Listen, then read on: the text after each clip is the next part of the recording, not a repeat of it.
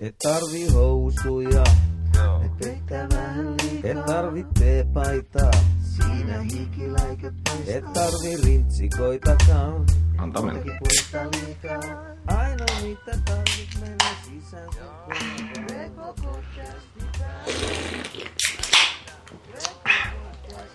Ai ai ai. Oliko muuten pojat? Tuloa. Oliko muuten ihana uusi tunnari? Oliko? Oliko? Mitä tykkäsitte? No siis Aika se helmeilevä ja kiva. melkein voisin sanoa, että mä en edes huomannut vielä, että se oli uusi. Mutta... Niin, kato 31 jaksoa, niin tulee taas uusi tunnari. Oho, oho. Me on- 31 jaksoa. Mm. Se on jo niin paljon. paljon oikeasti tehty tätä? On, on. Tänä vuonna on tehty niin Uhuh. sikana, että ollaan 31. jaksossa. Siis mua niin ihmetyttää se, että vaikka me tehtiin seitsemän kuukauden tauko, lähes seitsemän kuukauden tauko, niin mm-hmm. silti ollaan päästy niin kuin, Seuraa pyöreät rikkomaan niin kuin. kyllä. Huhhuh. Tää on niin kuin melkein yhtä vanha tää podcasti kuin minä. Ja sinä, Mm-hmm. te Ville. Meitsi on te junior. Ville on vielä 16. Ja te ootte niinku Ai senior. että mä oonkin keittänyt kerrankin hyvää kakkoa. Ai että. Kuuntelette muuten VK-podcastin jaksoa numero 31. Tänään on Petri, mikä päivä? Joulukuun kolmas päivä 2014. Tänään tuli veronpalautuksia, jos tuli. Kyllä tuli. Tämätkin ja jos Mä en tuli. muuten vielä tarkistanut perkele. Nyt mä saan maksettua mun vuokrani, koska tuli veronpalautukset, kun Ville ei maksa mulle palkkaa. Se Niin. vaan on, kato, jostain on, on vähän otettava. otettava, niin mä huomannut, että se on Petrin palkkaa hyvä. Valtio, valtio ottaa lapsilisistä ja Oi, kato, rapsahtanut ottaa täälläkin. Tota, niin, tänään meillä on tosiaan Conanit käsittelyssä. Kuunan, eikö? What? 384 euroa. Tullu vai? Oh, sä No, minä. uh. Uhuh. Ja silti ostit Black Fridaysta vain yhden hikisen pelin.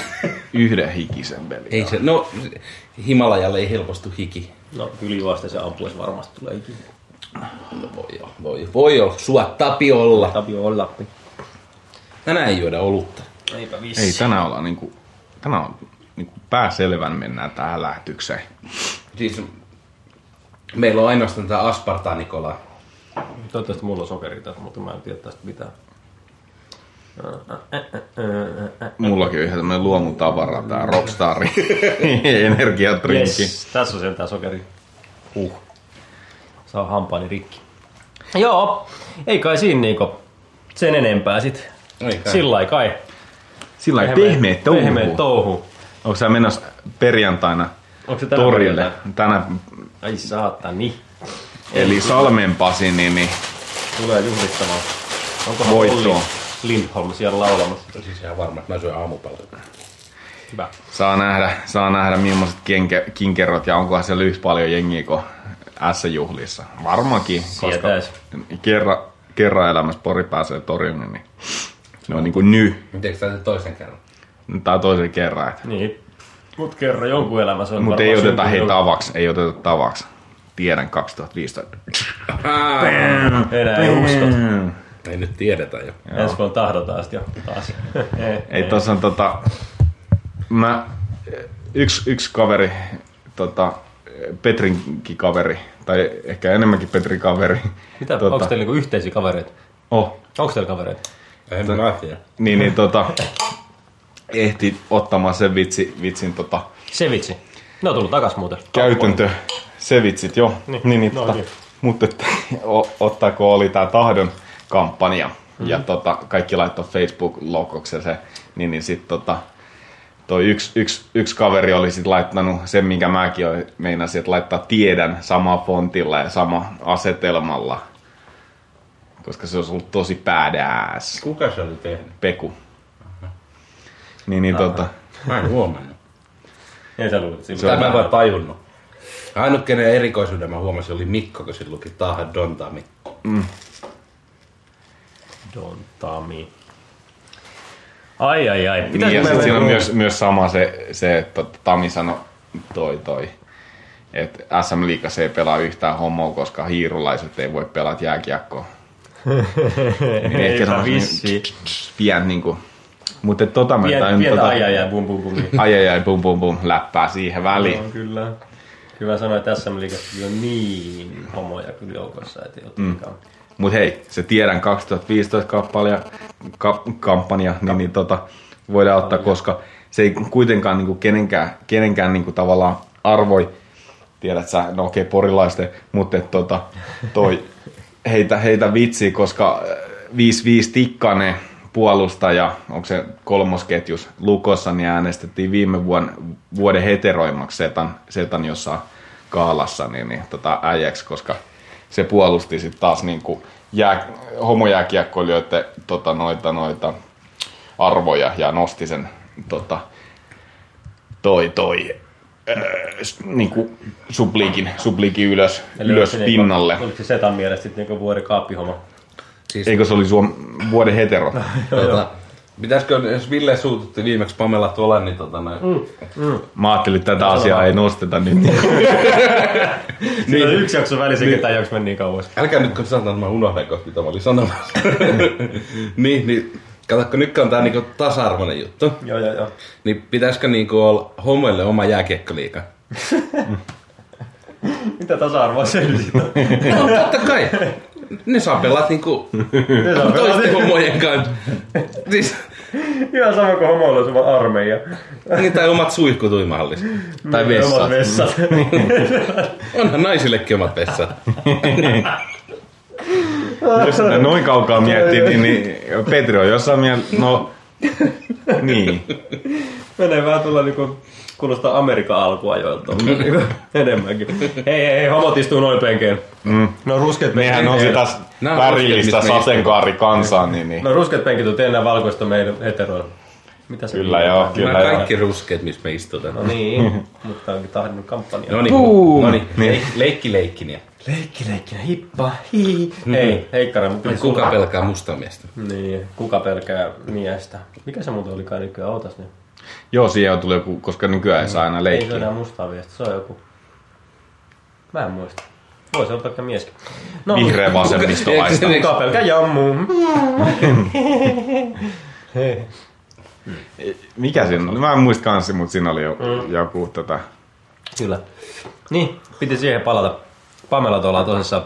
Sä oot kattonut Kimmoa kuitenkin. Joo, kyllä. Joo. Nyt on jo helpompi katsoa tätä uutta. Mutta mun mielestä taso on tippunut koko sarjassa. On, ei on. siis, siis se ei häiritse enää mua, Ei se. Malla Malmivaara, Kyllä. mutta taso on aivan helvetisti tippunut mun Joo, joo, ei se niinku ole lainkaan sama sarja, mitä se ykkönen. Ei. Niinku siis silleen, Ja että Kimmo on hahmona jotenkin niinku Sekin on kauhean muuttunut. kylmä. Se Sitten on se on, muuttunut kyllä. ja sit se on tosi Vähän ärsyttävää se, että se pornontekopariskunta on vasta Skype-yhteyden päässä. Mm. Se on kanssa joo. En tiedä tuleeko se sitten myöhemmin, koska se kuitenkin siinä alkutunnarissakin niinku näytetään. Mm. Mm. Totta. Mutta tota, joo, mun mielestä, mun mielestä sarja tason tippunut aivan helvetisti. Nyt sitten taas niinku häiritti siellä sikan, jos loppuosaan tulisi niinku Pamela Tola sitten. Tos, sitten Älkää! Jos mä en ymmärrä enää. Hän näe tiedä, missä mä oon. Mä en tiedä, missä mä olen. Joo, mutta se ei häiritte enää niin kovasti. Mutta seuraavassa kaudessa on varmaan taas Tola ja täällä taas saadaan sitten Sitten käydä läpi asioita. huorittelu-malli. Malli. Malmivaara. Kyllä. Puolestaan. Joo, uutisia. Mitä te olette kaivellut tota, tässä nyt sitten männä vi- viikoilta? No mä olisin halunnut vielä vähän puhua. Ai, ai, ai, käydään pu- läpi. Vähän puhua tosta, mitä me on ainakin Villen kanssa tutki, katsottu nyt täältä Yle Areenasta tota Justimus-sarjaa. Tutkimaan joudun. Ei kun, mikä, mikä Fact the Police. The police. Police. On sitten tullut yhtä eri kaksi jaksoa. Neljä On jaksoa. neljä. Oi, oi, vai Sieltä tulee aina kaksi sekaan. kaksi jaksoa kerralla. Tiistaisin ja perjantaisin. Plus, että sit sieltä tulee vielä tämmönen isäiti extra, joku minuutin mittaisia pätkiä. Eikö ne jaksotkin minuutin mittaan? Ei ne ole viiden minuutin. Häh? Siitä ne, tästä mä halusinkin keskustella. Ne tuntuu tosi lyhyet. Niin, kun mä en ymmärrä nyt edelleenkään, että jos sieltä tulee aina kaksi jaksoa samaan aikaan, Niin miksei ne sit voi yhtä kymmenen minuutin jaksoa. Kyllä on kaksi eri sketsiä. Ei ne, se on niinku Ei, jatkuva se on jatkuva sarja. Oletko sä kattonut sitä? On, on, on. Mä oon katsonut kaksi ekaa jaksoa. Mut mä olisin silti yksi kymmenen minuutin jakso mieluummin. kuin- Niin, niin. Mutta se on, kato, mietit tätä internet-sukupolvea, joka hei. katsoo YouTubea ja kolme minuuttia liikaa. Ei, mutta sieltä tulee nyt, perjantaina tulee kaksi jaksoa. Yeah. Sitten tiistaina tulee kaksi jaksoa. Ja sitten mä en muista, tuleeko sitten vielä perjantaina kaksi jaksoa vai loppuksi jo silloin tiistaina. tulee kahdeksan jaksoa yhteensä. Kahdeksan viiden minuutin jaksoa. Niin. Aika paha. Eli yhteensä nyt on saatu kaksi 20 minuutin jaksoa. Mutta et niinku, niin, tai 40 minuutin jaksoa. Mm. Niin. Tai lyhyt elokuva. Mutta en tiedä, siis tota, onko tämä samanlainen, samanlainen tota, käytäntö kuin siinä Lovemillas, mä en tiedä, näitte sitä. Hmm. En. Äh, onko se niu, mikä helvetti sen tota, Nikkilä, Teemu Nikkilä vai mikä se helvetti se ohjaaja? Nikki. nimi? Nikki. No, mutta kuitenkin, niin, niin tota, ne teki sitä ja ne teki pari tuotantokauttakin sitä. Se oli tosi lyhkäisiä jaksoja. Ja ne kyllä oli TV-säkin, mutta ne oli jossain nuorten ohjelmien välissä tuli semmoinen... Tai Yle Extra. niin Yle Extralla. Yle Extra tota, valitettavasti ne ei päässyt kokeilemaan agility, mutta tota, sisäpiiriläppää. niin, niin tota, toi tosiaan, mutta et siinä, siinä mä olin sanomassa, että se Lovemillasta itse asiassa Aasinsiltan elokuvauutisiin, niin nyt tehdään Lovemillasta tota, tehdään elokuva. Mm-hmm. Ja tota, siitä on tullut aika, aika päräyttävä traileri. Et se oli niinku, Se, oli tää niinku Suomen El- Esilium ja Lysium, anteeksi. Niin, niin ehkä voi sitä futuristisen maailman, mutta se tota, Lovemilla sarjanakin oli vähän semmoinen, että se ylilöi mm. tota juttua, että toi, siellä on yksi esim, missä tota, se Millan poikaystävä kokeilee huumeita ja sinne paskantaa yhden vessa sillä, että se on niinku lattiasta kattoo täynnä paskaa, tota, semmoista veristä paskaa. Muista, mi, mi, miten se tapahtui, mutta sitten se oli jotenkin ne oli tosi päräyttäviä, semmoinen, että tavallaan ne kokeili rajoja, mm. ja sitten ne vähän ylilöi aina kaikessa asiassa. Niin tuossa elokuvassa ne lyö ilmeisesti tosi paljon yli. Ihan mielenkiintoista tää, että mä oon trailerin kattonut, mutta siinä, se on vähän siinä rajoilla, että onko siis niinku paskaa se huumori vai voiko se toimia.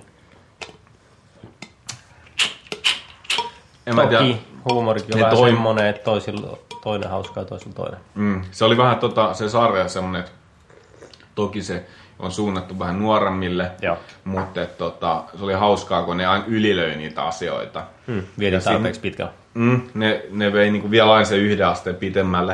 Ja sitten se jäi vähän niinku roikkumaan siihen, että se ei niinku välttämättä palautunut aina niinku normaaliksi, mutta se niinku takana oleva ajatus kulki kuitenkin eteenpäin. Että siellä oli teemoja, oli just joku huumeiden käyttö ja tämmöisiä tota, vanhempien ryyppääminen tai jotain tällainen ilmeisesti, missä siinäkin oli siis zombi alku. Niin, niin, se oli hauska, hauska vaan tommonen niinku tyyli, Kyllä. tyyli, että se ei ole semmoinen niin nopea flashback tai joku semmoinen ajatuskuva, että tai tyyli Family Kind, niin semmoinen vertauskuvallinen hassu juttu, että mm. ne sanoo jotain ja se menee jonnekin tavallaan, missä näytetään sitten, että kun ne sanoo, että räjähtää kuin kissa, niin sitten näytetään, kun kissa räjähtää. Niin, niin tota, tällainen. Niin, niin, ihan hauska nähdä mitä. Petri, mulla on sulla ihan suoraan. Kato, sä oot tommonen, sä oot tommonen videopelimies ja striimausmies. Mm. Ja sit sä oot myös niinku, sitä kautta niinku internetjulkis.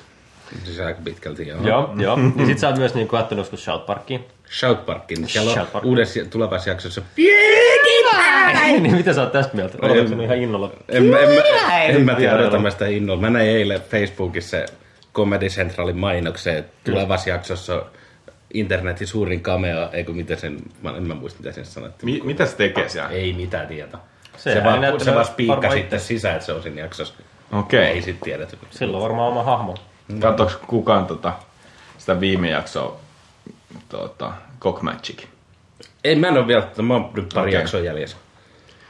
Ne on ihan hauskaa, kun ne on aika ajankohtaisia. Ja siellä on nyt tota... Sillä on nyt. Ollut. Siis se lataa sen verran, että se meni päälle, mutta ei siis niin. Mut hei, Mm. tota, puhutaan vielä vähän niin kuin Ylestä. Mm. Niin, niin toi mä Einarillekin mainitsin. Yleisesti Ylestä.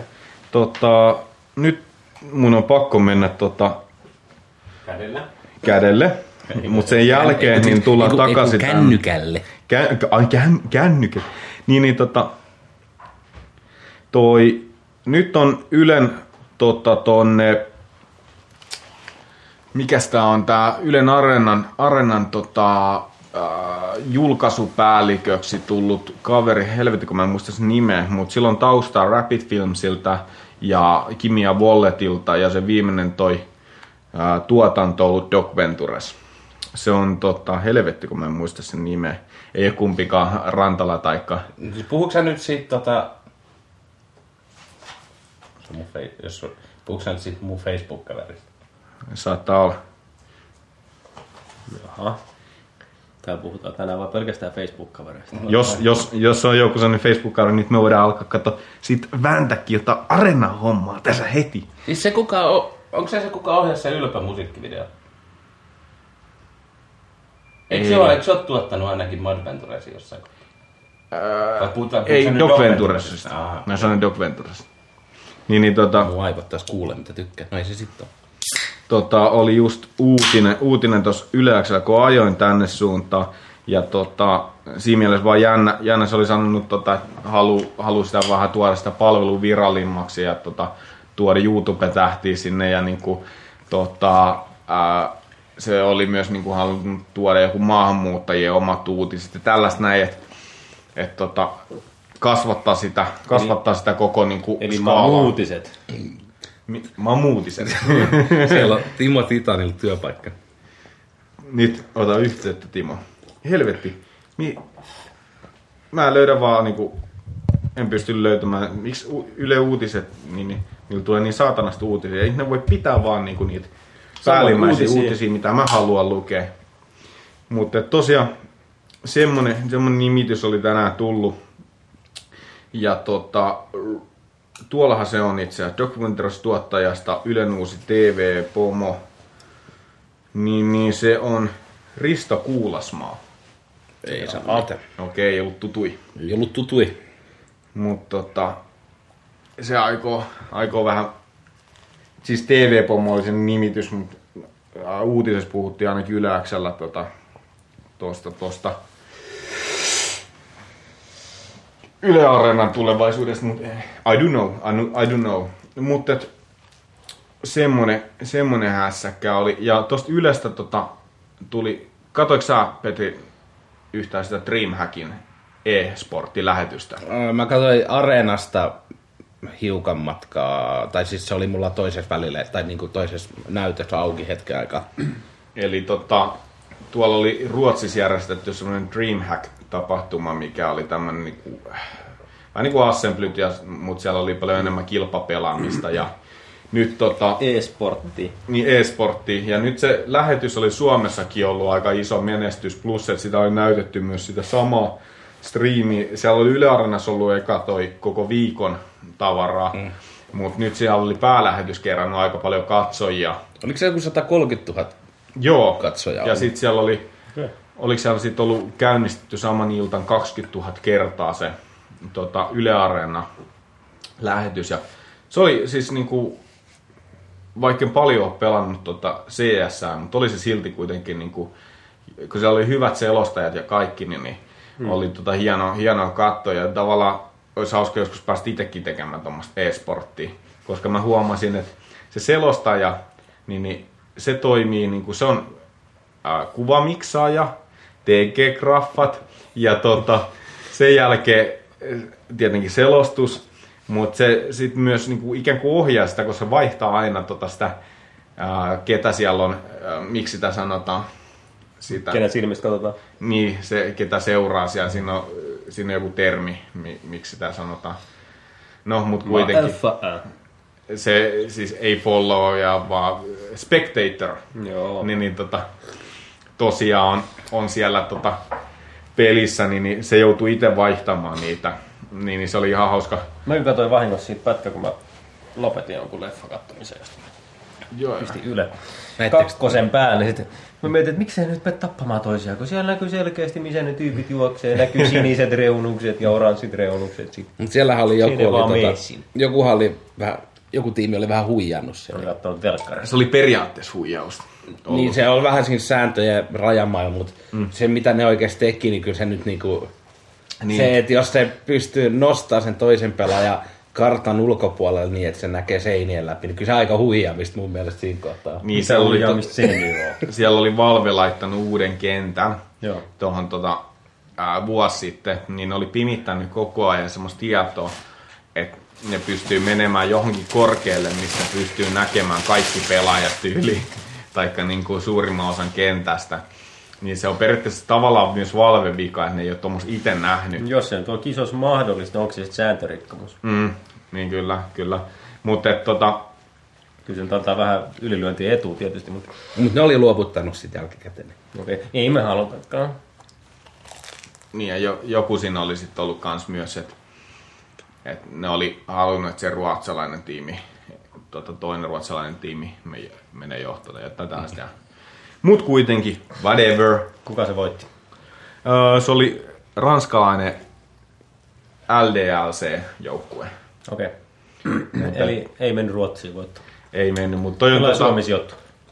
Öö, Suomesta oli ollut sitten jossain karsinnoissa tota, toi alkuviikosta joku joukkue, mutta toi, ei ne ollut ihan hirveä pitkään pötkinyt. Mutta et. Mutta Suomi oli voittanut jossain aikaisemmassa turnauksessa. Oli tullut Joo, ja ilmeisesti Hearthstoneessakin oli aika pitkällä päässyt joku kaveri. Et siellä oli Monteri peli pelattiin samaan aikaisesti. Niin, niin tota, Pelattiinko ja taskupiljardia myös? varmaan taskupiljardi pelattiin siellä sit kimpaa ja tällainen. Suomalaiset on tosi hyvin siinä. Mm. Mutta jännä nähdä, mihin toi e-sportti menee niinku Kyllä, Ylen jos se noin paljon saa katsojia niin kyllä mä luulen, että ne ottaa uudestaankin kokeilua. Että mm. Tämä oli toinen kerta. Tämä oli toinen kerta. Mm, Joo, kyllä. Okei. Okay. Niin, kyllä se selkeästi, mutta siis musta on käsittämätöntä, niin kuin, että millainen televisio, television kautta se voi kiinnostaa noin paljon. Se on kuitenkin semmoinen asia, mitä jengi chigaa niin tietokoneeltaan. Yleisesti. Totta kai se on ollut sitä, koska sitä ei voinut katsoa telkkarissa, mutta onko oikeasti telkkarissa sillä niin kiinnostusta noin paljon? Mä luulen, että siinä on sen takia just, että kun sitä ei ole näytetty, Joo, kyllä. mm. niin ne tyypit sieltä niinku, tuon netistä tulee katsoa sitä TVC, koska mm. tämmöistä ei ole ennen Niin, näytetty. niin, niin, kaikki vaihtaa Facebookin profiilikuvaksi, että Ja nyt yksi- tulee e-sporttia telkkarista. Mutta yksi, mikä sitten tietenkin on just se, että tota, onhan televisio vieläkin niinku aika helppo semmoinen niinku jakeluväline käyttää. Että Mm. tota, helppo On, napsauttaa siis- vaan päälle. Joo, niin ja live, tulee- live-juttuihin telkkari on tosi hyvä. Kerää ihmisiä samaan aikaan paikan päällä Et, katsomaan. sitähän tosi paljon just puhuttu, että tommoset niinku, tai no niin kuin nämä kekijät, niin, niin maksukanavista isompia, isompia tota, niinku etenkin ulkomailla on tota, tommoset niinku pääsääntöiset niinku maksukanavat, niin, mm. niin ne on urheilukanavia, koska se on aina niinku liveä, mitä ne koittaa tarjota siellä No. mahdollisimman paljon.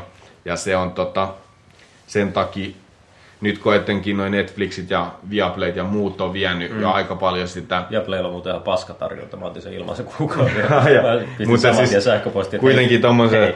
tota, muut palvelut, niin mm. ne sitten taas tommoset sarjat ja noin, niin ne, ne haluaa ihmiset katsoa niin omassa rauhassa. Mm, mutta sitten kun jos sä haluat saada sen niin kuin urheiluelämyksen, niin se on vähän turhaa sit katsoa. Hei, tuolla on viikon vanha ottelu. Miten Ei tuolla tuo 95 se kultaottelu.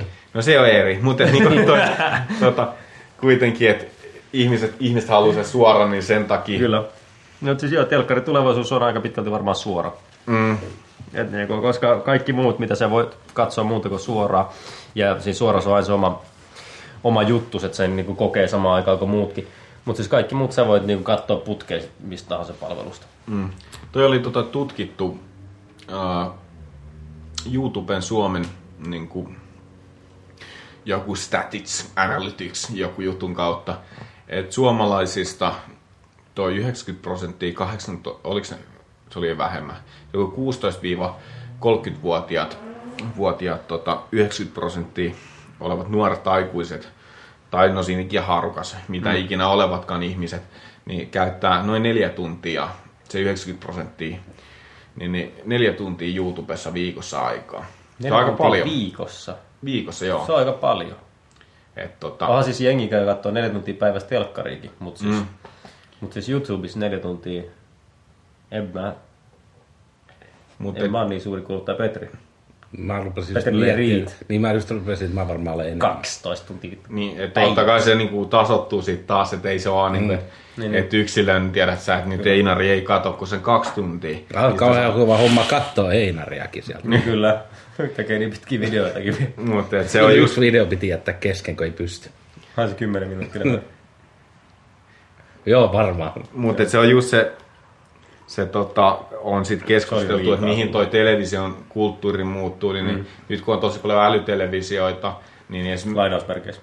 niin, tavallaan niin noi halu esim. Yle niin, niin kehittää se arena-palvelu niin, että tota, se olisi nimenomaisessa tavalla että sulla on televisio ja sitten on niinku, tiedätkö, Netflix-tyylinen, tai no mm. niinku se onkin nyt, että sä pystyt katsomaan sitä materiaalia mm. täällä. Areenassa on vaan sekin, tai siis niinku noissa niinku katsomassa ruuduissa areen, areenassa, niissä saisi olla vaan pidempi se aika, kun siellä on ne kamat. Niin, mm. se, tai siis, Totta kai se on lakitekninen asia. niin, niin, tai siis tarkoitatko nyt niinku, että kaiken kaikkiaan pidempi, vai se, että esimerkiksi, kun toi Kimmo nyt, mistä puhuttiin, mm. niin siellä on vaan se niinku yksi jakso, vai onko se kaikki jakso? Ei ole kaikki. Niin. Ei, mulle, mulle ei oikeastaan väliä sillä, niin kuin, milloin niitä julkaistaan. Kyllä mä niin kuin, vielä siedän sitä, että joutuu odottaa seuraavaa Joo, viikkoa. siis joo, mutta se, että, että kun jotkut sarjat on silleen, että sitten kun julkaistaan seuraava jakso, niin se edellinen poistuu. Joo, joo, Niin sulla on kuitenkin se viikko aikaa Joo, vaan joo. katsoa se. Eikä silleen, että säästäisi vaikka niinku, että no, katon tuossa nyt neljä jaksoa putkeen, kun Niin, jää. se, olisi, se olisi mun mielestä aika parasta. Niin, Niin. niin. Siellä olisi Kimmo ykköskausi ja Niin. kakkoskausi ja siellä ei tarvitse poistua ikinä. Niin, ja Mieluusti. tämä on just semmoinen niin Olisi katalogi, mihin voisi lakiteknillinen kysymys, mutta Kyllä. mä epäilen, että tohon tulee muutoksia. Sopparijuttujahan ne on. Et tota, ja sit toi mikä kans myös, niin, niin on jännä siinä mielessä, että sarjat, mitkä on televisioon tehty, mm. niin, niin niillä ei esimerkiksi ole koskaan ollut tota sopimusta tota, välttämättä tuosta niin tulevaisuuden mediavälineistä. Tuolla on sitä televisio ja sitten on fyysinen kopio, tiedät sä sopimukset luotu, mutta nyt niitä alkaa ne ihmiset tavallaan myymään siellä tota, tuotantoyhtiöt ja tavallaan le- tai levittäjät, nähän ne niitä myy. Niin, niin tota, siinä mielessä jännä, jännä mutta tuossa mä katsoin äsken, kun mä sitä Fuck the Police-sarjaa katsoin, niin sieltä ehdotettiin, että katonko Skinsia. Niin, niin tota, sit mä olin, että hei, et, eikö tää tullut supilta nämä kaikki tuotantokaudet, niin, niin näköjään Skinsin tota, toi oikeudet, noin nettioikeudet on siirretty tonne, tonne tota, Ylelle. Ylelle. Mielenkiintoista. Mutta tämmönen, ja se oli vaan Areenassa. Niin, niin toi oleva sarja. Et, en tiedä sit, mutta ihan hyvä sarja se on tietenkin. Oh yeah. Rami ei ole laittanut palautetta. Mitä? Eikö me vieläkään palautetta? Ei. Just. Voidaan lopettaa tätä. Tää, tää oli nyt tässä. Kiitos kuuntelusta. Mutta tota, meillähän oli yksi yllätysosio. Katsotaan tähän väliin, vai ei, käydäänkö se, me olisi meillä uutisia. Ei, voit sä vetää, voit sä vetää tähän väliin? Vedetään uutisia sitten. Eikö meillä ole näitä puheluosioita enemmänkin tänne? Joo, meillä on tämmöinen puheluosio meidän tota, ulkomaanvaihdossa oleva, eli tuolla tota, ää, Helsingin, Helsingin seudulla oleva, mehän itse nauhoitetaan tätä Kampotsasta veroteknillisistä syistä ja tekijäoikeudellisista syistä. Niin, niin tota, me otetaan yhteyden, yhteyttä tonne tota, Heikka, se kahvikeittimen takana semmoinen USB-laturi plugi tuokseen tullessa. otetaan yhteyttä meidän ulkomaanvaihtoon, eli Joonas Sainen, ketä on eilen käynyt katsomassa Nightmare 2. Enskarissa. Se- Enskarissa. Oliko se, mi- mikä se oli nyt? Se oli painajainen. Kakkonen varma. Eikö siellä se Oliko se mitään jako- lisänime? Pistä se se niin sieltähän se selviää. Eli salattujen elämien Kauhua. Sä voit heittää se siihen lattialle Kauhu. se laittaa. Kyllä. Miksi, miksi tämmöisiä niin elokuvia sarjan ohella kutsutaan? Niillä on joku semmoinen, niin kuin, onko se spin-offi vai? Spin-off. Spin-offi. Mutta miksei niinku ole semmoinen niinku genre esimerkiksi kuin suomikauhu? Niin, niin saadaan kuulla tuoreeltaan, jos saadaan Joonas Sainen yhteyttä. Katsotaan, pistää puhelun menemään ja kuunnellaan, mitä sieltä tulee. Voiko sä kuunnella sit sun kuulokkeesta, että miltä se kuuluu?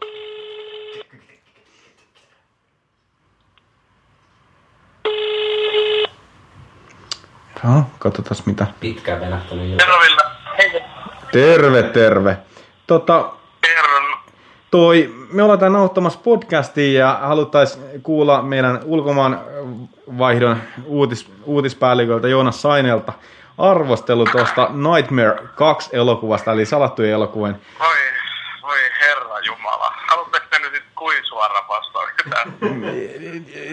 Kyllä me halutaan semmoinen niinku, sellaista Rehellinen. ava, niin semmoinen rehellinen, mitä ei voi, mikä ei ole niinku, tiedätkö, lehtiin painettavaa tavaraa. No sanotaan nyt niin, että olen lukenut tänä aamun Helsingin Sanomia ja Dome-lehden arvostelut, niin aika napakasti niin kuin tulee yksi yhteen. Mä en ole kyllä noin hirveätä paskaa nähnyt elämäni pitkään aikaa. Musta tuntuu, että mut vietiin puolitoista tuntia elämää. Okei. Okay.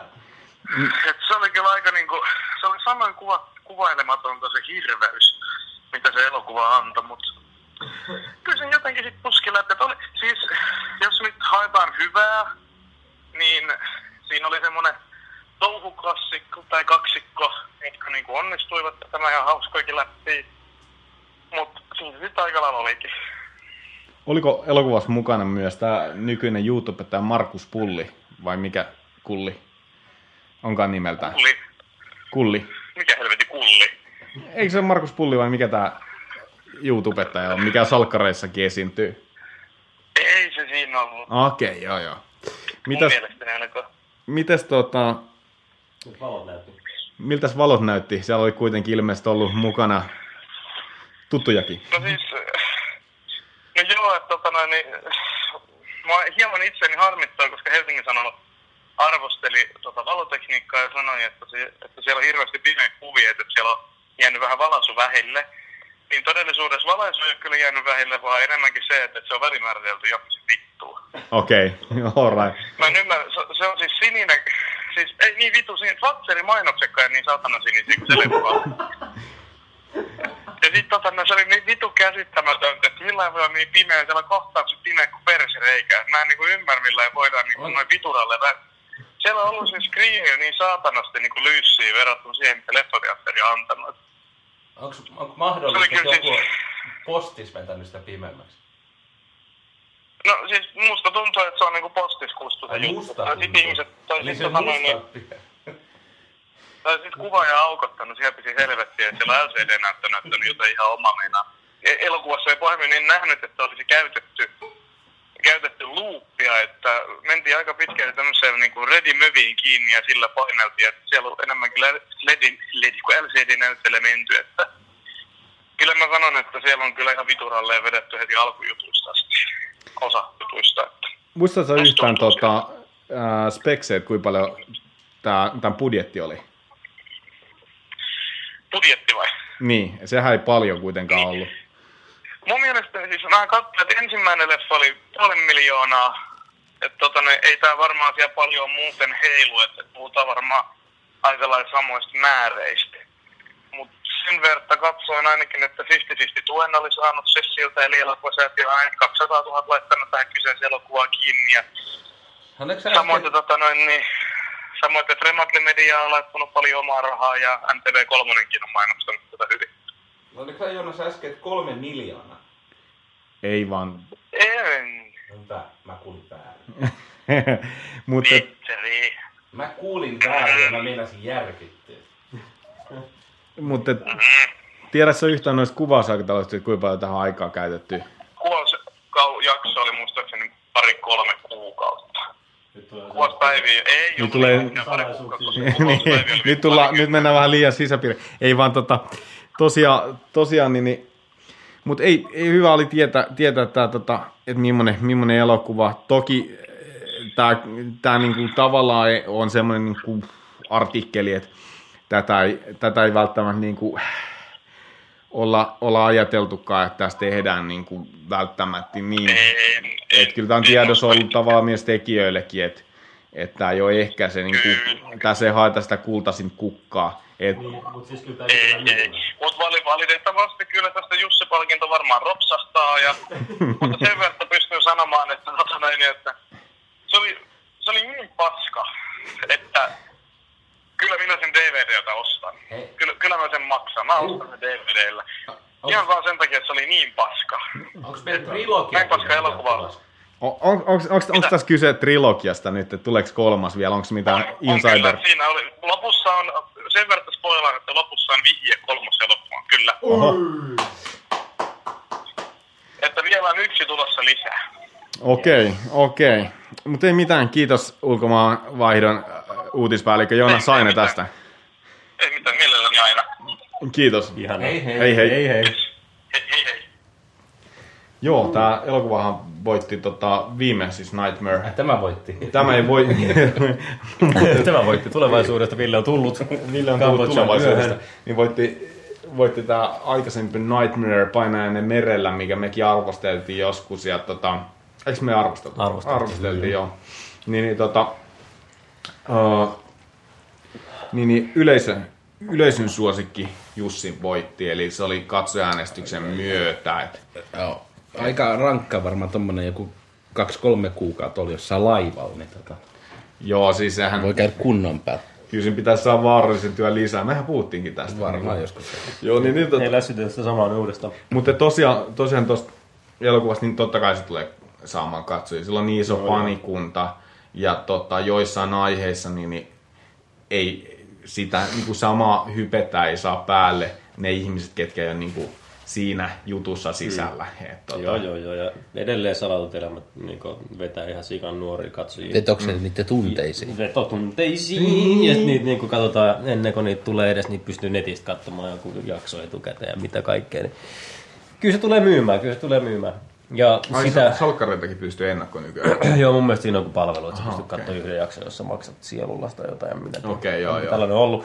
Tota, niin, nyt kolmasta odotellessa. Mennäänkö katsomaan tuo kakkonen nyt se leffateatteri porukalla?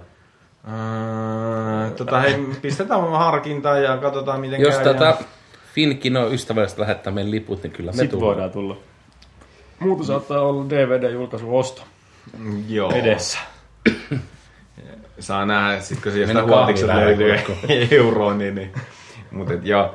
Ei, Mut et, siis Joonas, sä just äsken sanoit, että se oli niin... Niin voidaan että lainata Joonakselta.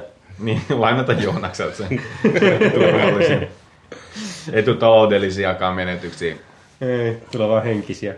Mutta toi on jännä, jännä just miettiä sitten tollasta tota, niinku, tekijämielessä, Ää, kun tiedetään... Mikä niin- tekijä sulla on mielessä?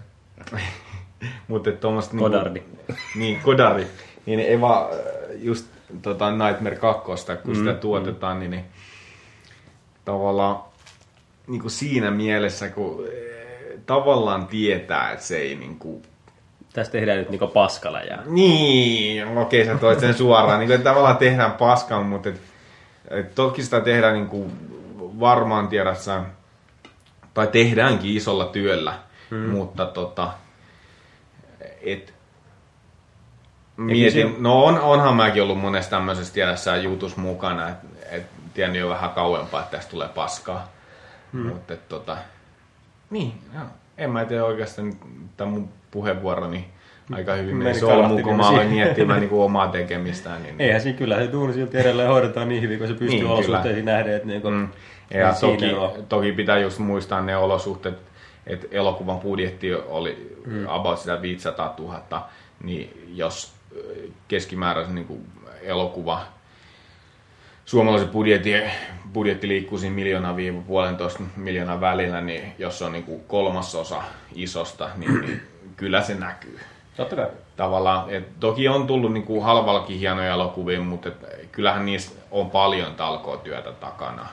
Et toi. Ja Ja tälläs, jäähalli, sekin on talkootyöllä tehty. niin, mutta tämmöisessä, tämmöisessä, tota, Luvian torilta tavata.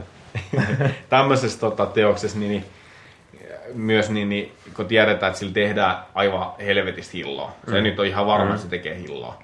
Niin, niin tota, se, se tota, siellä ei enää käy se talkoasenne. että Tulkaa, kato, nyt tehdään semmoinen CVC, hieno, hieno titteli. Tää näyttää hyvältä sun CVs. niin, niin, niin tota, se, se ei enää käy tommosessa, niin kyllä se niinku rahalla tehdään ja jos sitä rahaa on tarpeeksi, niin se näkyy. Niin. Sitten tehdään niin hyvä kuin saadaan. Mm. Ja sehän siellä teattereissa nyt sitten pyörii. Petri, mitä uutisia sä oot saanut revittyä tuosta? No annat se tabletin, niin mä vi- vilkausen sieltä. Tota, Tässä mulla, on tämä mulla, Esso, ole hyvä. mulla on yksi uutinen, mikä... Nyt lähtee. Mulla on yksi uutinen, ja tota noin. Tajusin nyt vastaan. Tabletti ja Esso. Joo. En mä paljon tyhmä taas. Ole kyllä. Niin. Mä kohta vaikuttaa. Mä viimeksi, kuulijat. viimeksi tota mä hei, kerroin teille tämmöisestä uutisesta, että onko Jared Leto seuraava jokeri. Mm-hmm. No jatketaan nyt Batman-uutisena. Jaha, mä ajattelin, että sä soitat sieltä. Marssia. Mä olisin kyllä voinut avata sen tuosta läppäristä, mikä mulla on auki, mutta mennään nyt tän, kun mä otin tämän tabletin käteen. Sä otit tän tabletin jo, niin mä en nyt sitten tällä. Nyt, nyt rupeaa sellainen niinku trippaile. Ei sä otit vasta housut pois. se on eri sana. Ai, mä olin, se oli raumalaisen strippailu. Puh, tänähän on niinku Au. sellaista kielellistä Tänään on, hauskuutta. tänään on semmoinen Terve. verbaali show, että ei oikein pysy Mä olen hauskaa hiljaa. jalasta Petri. En oo. Kuhun. Tota, En oo puhunut. Hiukanko tää lataisi vielä? Mä otin just tämän niin latauksesta, lataisi vielä. Tätä, tätä nettisivua kun lataisi, mutta mä en voinut tätä Mä enää. olisin, mä olisin voinut kertoa niin oman omi tässä välissä, mä en halua, koska tää on parempaa viihdettä. Sä yrität selittää, että miksi sun kestää. Mukku. Harvemmin niin päin. Hyvä, että joskus niin. Mitä yleensä näin sori. Taas sitä verbalisläppää lentää. Sori nyt, sori nyt, Ehkä, kestää. ehkä mä sit kaivan sen täältä tuota läppärin kautta, niin se olisi jo auki. Se oli so auki, se oli so hauki. Eli Mä Jared Le-. Jared Leto on uusi jokeri. Tom Hardy palaa sarjispahikseksi. Mitä, siitä tulee jokeri vai? Niin. Kun Jared Leto on jokeri. Tom Hardy palaa. Tota-. Tom Hardy esittää Jared Leto, joka esittää jokeri. Joo. 2016 Suicide Squad. Mm, En tiedä kertooko kummallekaan mitään. Ei mitään. Okei, okay, mä, oon- Suicide. mä oon eräs animaation kautta Suicide Squad on mut tuttu. Mutta siis se on, siinä on joukko DCn pahiksia, missä mm-hmm. esimerkiksi niin Jared Leto tulee näyttelemään jokeria. Okei. Okay.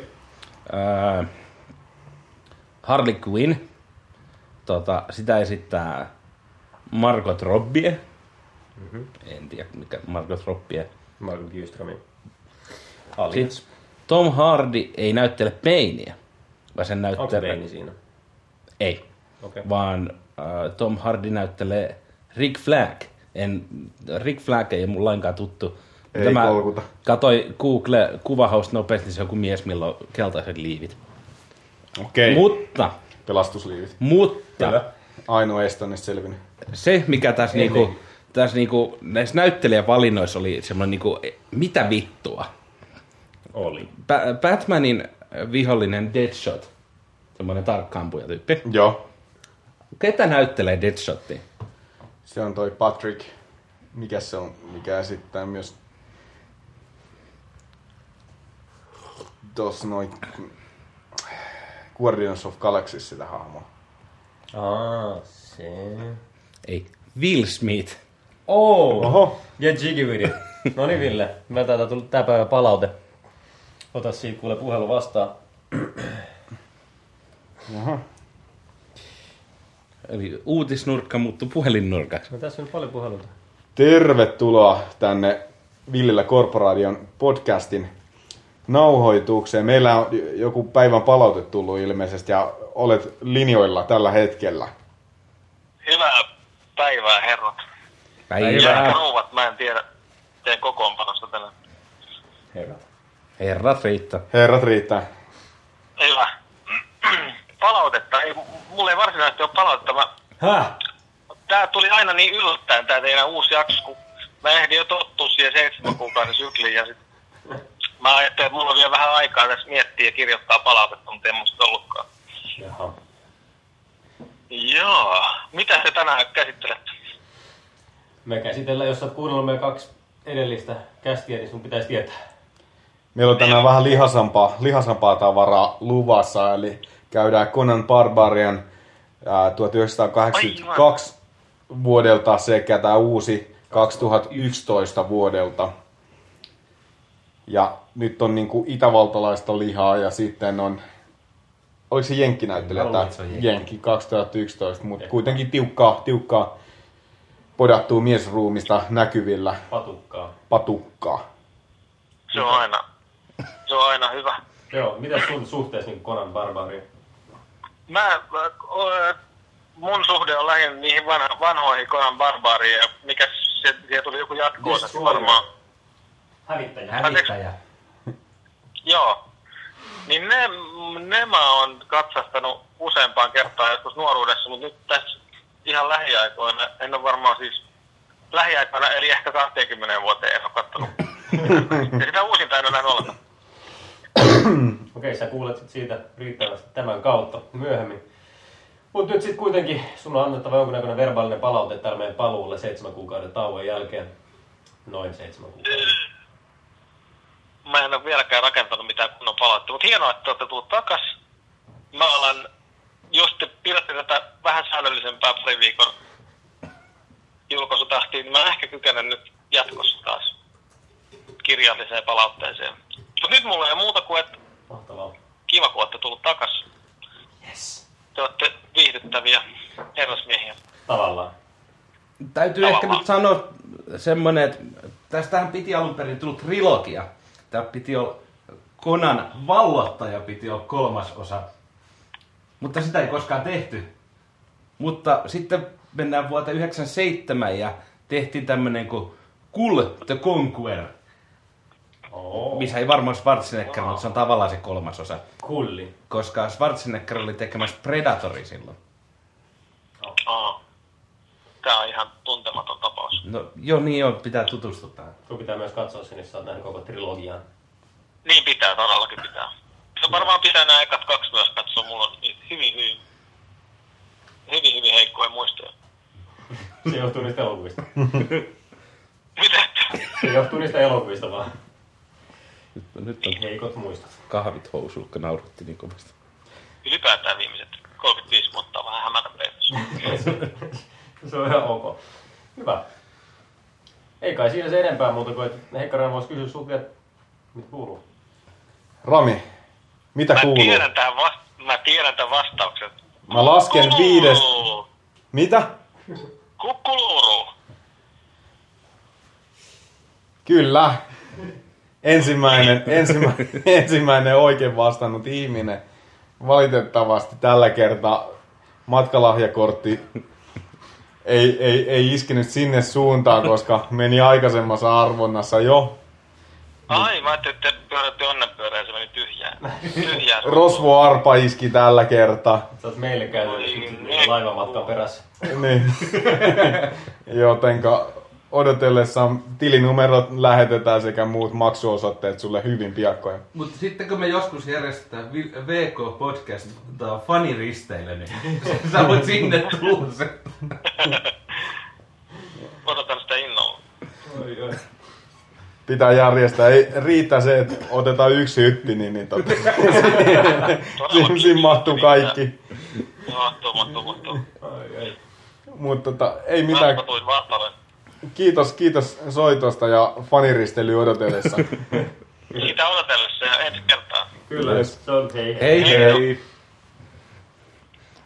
Mut joo, tosiaan palatakseni, niin mun uutiset, siis se, että ensinnäkin tämmönen siis DC, missä on Batmanin pahiksi, tai siis DC-pahiksi, 2016 elokuussa saa ensi illan.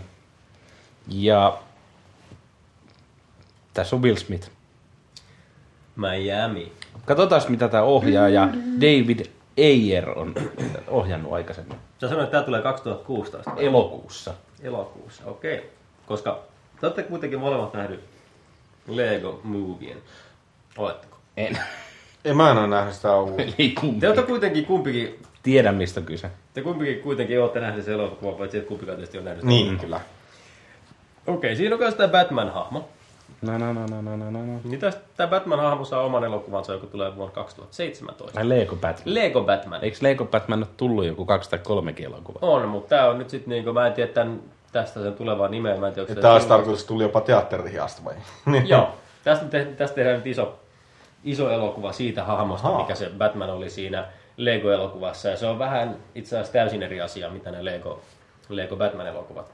Ja tässä Batman oli vähän semmoinen, sanoisiko käsi ja tyhmä henkilö. Okay. Vähän semmoinen hidas ja hölmö ja kömpelö ja ei osaava tyyppinen Batman. Ja ei mun kauheasti siitä sen enempää oo, paitsi että siitä on luvattu, että kaikki Batmanit tai kaikki Batmanin tarina jotenkin näkyisi siinä yhdessä elokuvassa. Että siinä ainakin, jos ei muuta, niin kaikki puvut ainakin tulee olemaan siinä, Okei, okay, okei. Okay. siinä elokuvassa, mitä Batmanilla on ollut sit sieltä, koska se on alkanut 60-luvulta Niin, niin kyllä. tähän hetkeen. Että siinä on, tulee varmaan mielenkiintoinen. Suosittelen teitä katsomaan se Lego Movie, niin sitten ymmärrätte, että miksi tämä Batman-elokuva voisi olla niin ihan mielenkiintoinen myös. Aa, se kuka, nyt mä palaan tuohon muutiseen. Nyt, kun Onko se ohjannut ton vuotanen elokuva? Furin, Ahaa, okei. Okay. millä vuotanen. Joo, se, mist, siitä ei ole tarkkaa tietoa, Ei mistä tietoa, maasta mistä. se on vuotanut, mutta Ei, mutta nythän tuo Oscarin aika taas, niin siellä on kaikki screenerit on. Ja Se on myös saattaa olla ohjannut elokuva takia. Sabotage, Sinisabotage vai? Sini Sabotage, tää kun swat juttu. Mhm. Mm-hmm. Vitsi kun se puhut etelään, niin se pisti mut Sitten täällä on joku poliisit. Street Kings. Okei, no se on Fury, nyt on niinku sen varmaan se suurin, mitä se on. Brad Pitt otan roskan tosta valolta. Oot vaan. Mut siis, no se on näköjään kirjoittanutkin melkein kaikki. Mutta oliko se tohon nyt tohon leffa, leffa tota, häkki, häkki, mun mielestä se oli niinku jostain serverit häkätty ilmeisesti. Niinku, Joo, siis tästä- ei ollut screeneri ollut lainkaan. Joo, ei, se ei, oli, ei, mut siis eli oli ilmeisesti aika paha tietovuoto ollut. Niinku. varmuuttahan siitä ei oo, että mistä se on tullut. Ja sitten Sony Pictures, eli elokuvastudiot, nehän Joo. kättiin tosi pahasti, mutta kun näitä saatiin jumia kaikkea. Niin siitä ei ole varmuutta, että olisiko samalta niin häkkireissut lähtenyt. Mm, joo, Eli että siitä ei ole 100 prosenttia varma, mutta sitä epäillään. Mutta sitten myös, niin kuin, mikä mun mielestä kuulostaa aika naurettavalta, on se, että sieltä Sonin päästä epäillään, tai on epäilty ääneen, että ne voisi olla pohjoiskorealaiset, ketä sinne on hyökännyt. Okei. Okay. Ja ne, siinä on niin semmoinen salaliittoteoria takana, että pohjoiskorealaiset olisi ostanut Kiinasta häkkäreitä, jotka olisi häkännyt sen Sony, Sonin tota, toimisto ihan jumiin sen takia, koska Sonilta tulossa se Reth, ei, ei Reth, vaan Seth Rogen ja Niin, tää interview. niin, kyllä. Joo. Että tämä olisi sen takana mukaan, että miksi Sony olisi häkätty ja miksi nämä leffot olisi vuotanut. Mutta tämä mun, mun mielestä kuulostaa vähän paksulta, mm. paksulta jo. Et, mutta sitten taas kuulemassa vaikuttaa se häkkäys enemmän inside jobilta, että siellä olisi oltu fyysisesti niissä koneissa kiinni. Okei. Että ne on saatu niin jumiin. Niin, niin, kyllä. Et se, on, se on ihan auki vielä tällä hetkellä. Mutta siellä FBI ja kaikki kovat, jotka tutkii sitä asiaa. Tota, tota mä oon miettinyt toi tosi paljon, kun tuli tää digitaalinen, digitaalinen tota, ää, Projisointi. projisointi, niin, niin, tota, eli noiden DCP-pakettien kautta ne, ne tiedostoina tulee ihan helvetin iso möhkäleinen, ne, ne tulee kiintolevyillä. Nykyään kuljetetaan joka elokuvateatterilla, tästä on puhuttu. Mutta se on jännä, että niitä ei ole, niin kuin, tota, jotkut pienet teatterit ei ole niin kuin, sitä screeniä, koska aikoinaan, aikoinaan kuitenkin jossain maissa tehtiin niin, että skannattiin filmiä. Samalla kun se ammutaan ulos vai? Ei sama aika, vaan se niinku Seuraavana yönä. Siis se vaan niinku käytettiin jossain skannattu. Ja, kyllä. sieltä tuli niinku yllättäen hyvin, hyvin tota, totta kai kun ne oli skannattu mm. ja niin ääniraita myös niinku se, mikä filmissä on, niin skannattu myös. Kyllä. Siis samalla, niin, niin tuli aikoinaan, totta kai ne jotenkin jäi kiinni siitä tota, ja se väheni, mutta tuossa mietin, että niinku, et, eikö noita ole suht helppo varastaa sitä videovirtaa, mikä menee sinne. Mä en tiedä toki, Niin, että miten niin. se, mitä kautta se kulkee. Se Mä varmaan... tiedä millainen kaapeli, jos siinä on HDMI, niin se on tosiaan vasta purkki siihen väliin. Niin. Noin. Ja nyt painetaan rek täältä koneelta ja annetaan tulla sen kokonaan tänne. Sitten painetaan tosta noin niin kuin upload, noin, ja se on YouTubessa. Ei kun, ei kun mä tykkään. pistän ensin tän mun tabletille se, että mä voin trimmat noi päät. Ja no. sen jälkeen mä uppaan sen tän softan kautta. Mä laitan siihen jonkun hauskan tommosen intro, missä mä vilkutan. Mutta toi, sitä mä oon miettinyt, mutta mä en tiedä tosiaan, että millaisella se varmaan, Se on varmaan jotain muuta kuin HDMI, mistä se kulkee. Niin. Ja sehän on, se on vain kertakoodilla, kun ne lähtee ne mm. pyörimään ne filut, että sen katokin ei niinku omia se- nimiä viitti niin mut- kauheasti pyöritellä. niin, mutta sitä mä mietin kuitenkin, että se periaatteessa koodi, niin kuin, kun siellä on niin kuin ihan helvetillinen sarja JPEG-kuvia, JPEG 2000-kuvia. Hmm. Koska mä oon tehnyt yhden DCP, Joo. niin, niin tota, ja sitten siellä on ääniraita, on vavina, parina eri monoraitana, eli mitkä Joo. se ohjaa eri kaiuttimiin. Oikeesti vaan niinku stereo vai? Kaksi eri. Ei, ei siellä voi olla vai 20, mutta se ohjaa ne eri kaiuttimiin. Et 7.1 järjestelmässä on tota, seitsemän eri. Onko vähän epäreilu yksi kuvatiedosto ja seitsemän äänitiedostoa? I don't know. Mutta Mutta siellä ole sit niinku subwooferilla omaa? ei, koska sitten se ajetaan matalat erikseen. Kyllä on vähän niinku subwoofer rasistikin taas. Subwoofer. Mutta tota, sitä mä, sitä mä oon miettinyt, että eikö toi nyt ole suht helppo sieltä niin puink, vetää jostain, niin, niin et, tota, mä niin. uskoisin, että kun kaiken näköisiä niin kuin, tota, häkkejä on tehty, että aika tommosia niin kuin, Metallihäkkejä, bambuhäkkejä. Pam- Sitten sit on ollut tämmönen kultainen häkki, me Shakira on She-Wolf musavideossa tanssinut. niin, mutta et, Epäilet se ei oikeastaan. mut jännä, Se jännä, oikeesti juttu, että, kultaa. jännä juttu, että se ei ole niin of. breikannut, mutta et kai se on vaan niin, kuin niin vaikea sit. Se voi olla, että se on niin vaikea, mutta siis ei se nyt voi olla niin vaikea. Ei voikaan. Varettaminen on niin 1900-luku. 1900 Mä epäilen, että se on just mennyt sen takia, niin että kukaan ei jaksa enää sen, nähdä sen vähti, vaan koska tota, Niitä ihan vaan sen takia, että se oli internet famous, kun ei saa kuitenkaan mitään rahaa. Niin, ei kyllä. Pari tykkäystä Facebookissa. Mä en tiedä, onkohan nykyään, nykyään my, my, myös, mua, myös toi, koska internet fame, fame niin, niin ne menee just semmoisilla tavalla ihmisillä, kenelle ei oikeastaan mitään taitoa, ne vaan niinku lässyttää tiedässä tai tällä. Ja toi, toi. Meni vähän tunteisiin. Petri on internet famous. meni. Et just, että et onkohan, onkohan siinä tota, mitä, mitä perää sille. Ja sitten ne tyypit, ketkä en, ennen koodas ja kaikkea, tiedätkö, ne hallitsi ihan jumalattomia tietoverkkoja jossain niinku, tiedätkö, Mallorkalla jossain kiven alla oli servut ja ne sieltä katsoi kaikkien näköisiä koodeja lähetteli ja oli underground ja ne oli vähän niinku fame, niillä oli joku nimi jossain, tiedät, että hacker, Joni Hacker 93, niin, niin tota, JetX. Jet. Ja sit kaikki ties, että tiedät sä Jonskan ja tota, tällainen. Ja nyt, nyt sillä on, niin kuin, että tiedätkö sä jonkun tyyli Niilo 22, se on, se on, se on kova jätkä, se on työtö, työ, työtön tamperilainen vai missä helvetin lempäällä se asuukaan. Sä saat aika mielenkiintoista itse asiassa vedettyä niin kuin, Marko Johtuu- Poika kuvaa, kuvaa pussia siellä niin ja meitsi vänssit koodi tossa kymmenen vuotta ja paran syövä, mutta ei, ei Jonskaa kukaan muista. Marko Poin, kun hissi saapuu, saapuu saatana alakertaan videossa saa 10 000, mutta ei minä. Minä en saa mitään. Ai, ai, ai. Kolme lakisyytä. Joku muistaa edes. Parana enää syöpi. Niin. Mutta tota, ihan mielenkiintoista totta tuo, tuo että ko- koska nykynuorethan myös kuuntelee musansa YouTubesta ja mm. käytännössä käyttää YouTubea tosi paljon enemmän mitä myöhemmät, myöhemmät sukupolvet, eikö siis aikaisemmat, mikä on tullut ja on niinku vetänyt musat sitten taas niinku laittomasti netistä itselleen asti. Uh, niin se, että onko oikeasti piratismia vähentänyt se, että niin internet 2.0, se, että ihmiset saa itse tehdä sisältöä nettiin, jengi jauhaa paskaa YouTubessa, niin siitä ei ketään jaksa varettaa oikeasti hyvää sisältöä. Mm. Voiko mennä niin? Voi, voi. Mun mielestä niinku ajan käyttö muuttuu. Että se, sitä ei niinku kukaan ole tota, pystynyt vielä muuttamaan, että olisi tiedä, että sä saanut vuorokauteen esim. lisää tunteja. Älä sano. Et tota, Mutta ei paitsi kyllä, se Jonska siellä. Mä taitoin sen saatana aikaympyrän. Mut ei, Nyt mut me kyllä- eletään lopputtomiin. Ja kukaan ei vittu huomaa. Ne kattoo taas saatana siellä jotain Marko Ripersiä tai Pasi Viherahon saatana kokkausvideoita. Se on keittänyt puolitoista tuntia tota kanaa ja sit se pistää sen saatana makaronin. Kukaan ei pysty syömään tota. Mut mä olin sanomassa sitä, että kyllä mä sit sanon myös, että san, kyllä mä muuten sit sanon. Sieltä tulee tämä isähaamo nyt peli. Mut siis niinku, niinku Spotify ja Netflix ja tämmöiset on vähentänyt niinku varettomista. Totta kai. Miksi sä niinku äh, hassaat sitä sun ulkoista kovalevy täyteen tai musiikkia, kun sä voit kuunnella se Spotifysta? Mm. Niin, mutta siis, mut sä tultiin just tähän ihan samaan, että nyt kun sä et ole hassannut, niin sä et sit saanut sieltä Netflixistä sitä sun Conan. No niin, mutta palataan va- siihen siis, tuota.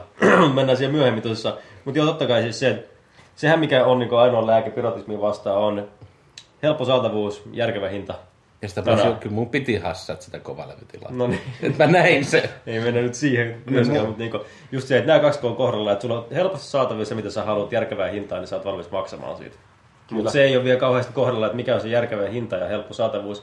Että niin Netflix on hyvä, mutta sitten taas se ei päivity tarpeeksi nopeasti, siellä ei ole tarpeeksi uutta sisältöä. Viaplay sitten taas on vuokrattavia leffoja erikseen. Mitä järkeä siinä, että sä maksat eka melkein kypä kuukauden, sitten sä voit katsoa jotain paskaa katalogia, ja sen lisäksi sä niin maksat neljä euroa per uusi, uusi leffa, mikä mm, on vähän kyllä. vanha.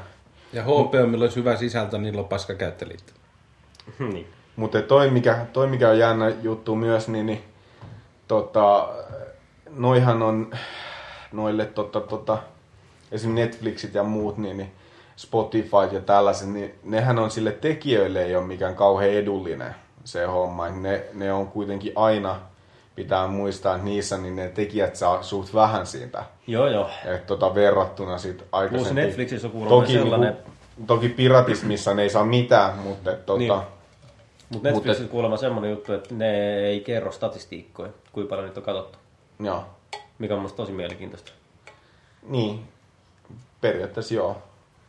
Siis onhan nyt pakko saada tietää jostain jonkun asteinen tieto, sit, koska ne kuitenkin varmaan maksetaan jotain, vai tekeekö ne...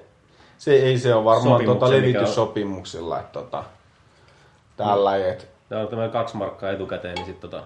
Ei ne ostaa jonkun sopimuksen jostain, että tota, tota, esim. elokuvasta sen oikeudet ja Mm. Siihen palveluun. Tai Niin, niin sitten sit, sit niitä ei tarvitsekaan tarjoa mitään statistiikkaa, koska se statistiikka ei vaikuta mihinkään. Mm, se ei kenenkään, se on sit mennyt jo, että sä oot myynyt, myynyt se homma ja that's it. Mutta tota, tosiaan tosta, mikäs, tää oli tää juttu siitä YouTubesta, että ne olisi tuomassa oman musiikkipalvelu, niin kuin, tai Google olisi tuomassa oman musiikkipalvelu. On, siis Google on tuonut oman musiikkipalvelun, Google on myös tuonut jo sen, siis ainakin silleen, ei kaikille vielä avoimesti, betana tullut myös se YouTuben Music Key. Okay. joka käytännössä tarkoittaa sitä, että sun ei tarvitse katsoa mainoksia, Joo. sä voit kuunnella niinku, ja luoda soittolistoja tuubista, ja niihin ei tule mainoksia. Sitten sä voit, tota, sä voit kuunnella niitä ilman myös sitä videoa, ja sitten sä pystyt lataamaan mobiililaitteellesi musavideoita halutessa 720p maksimiresoluutiolla.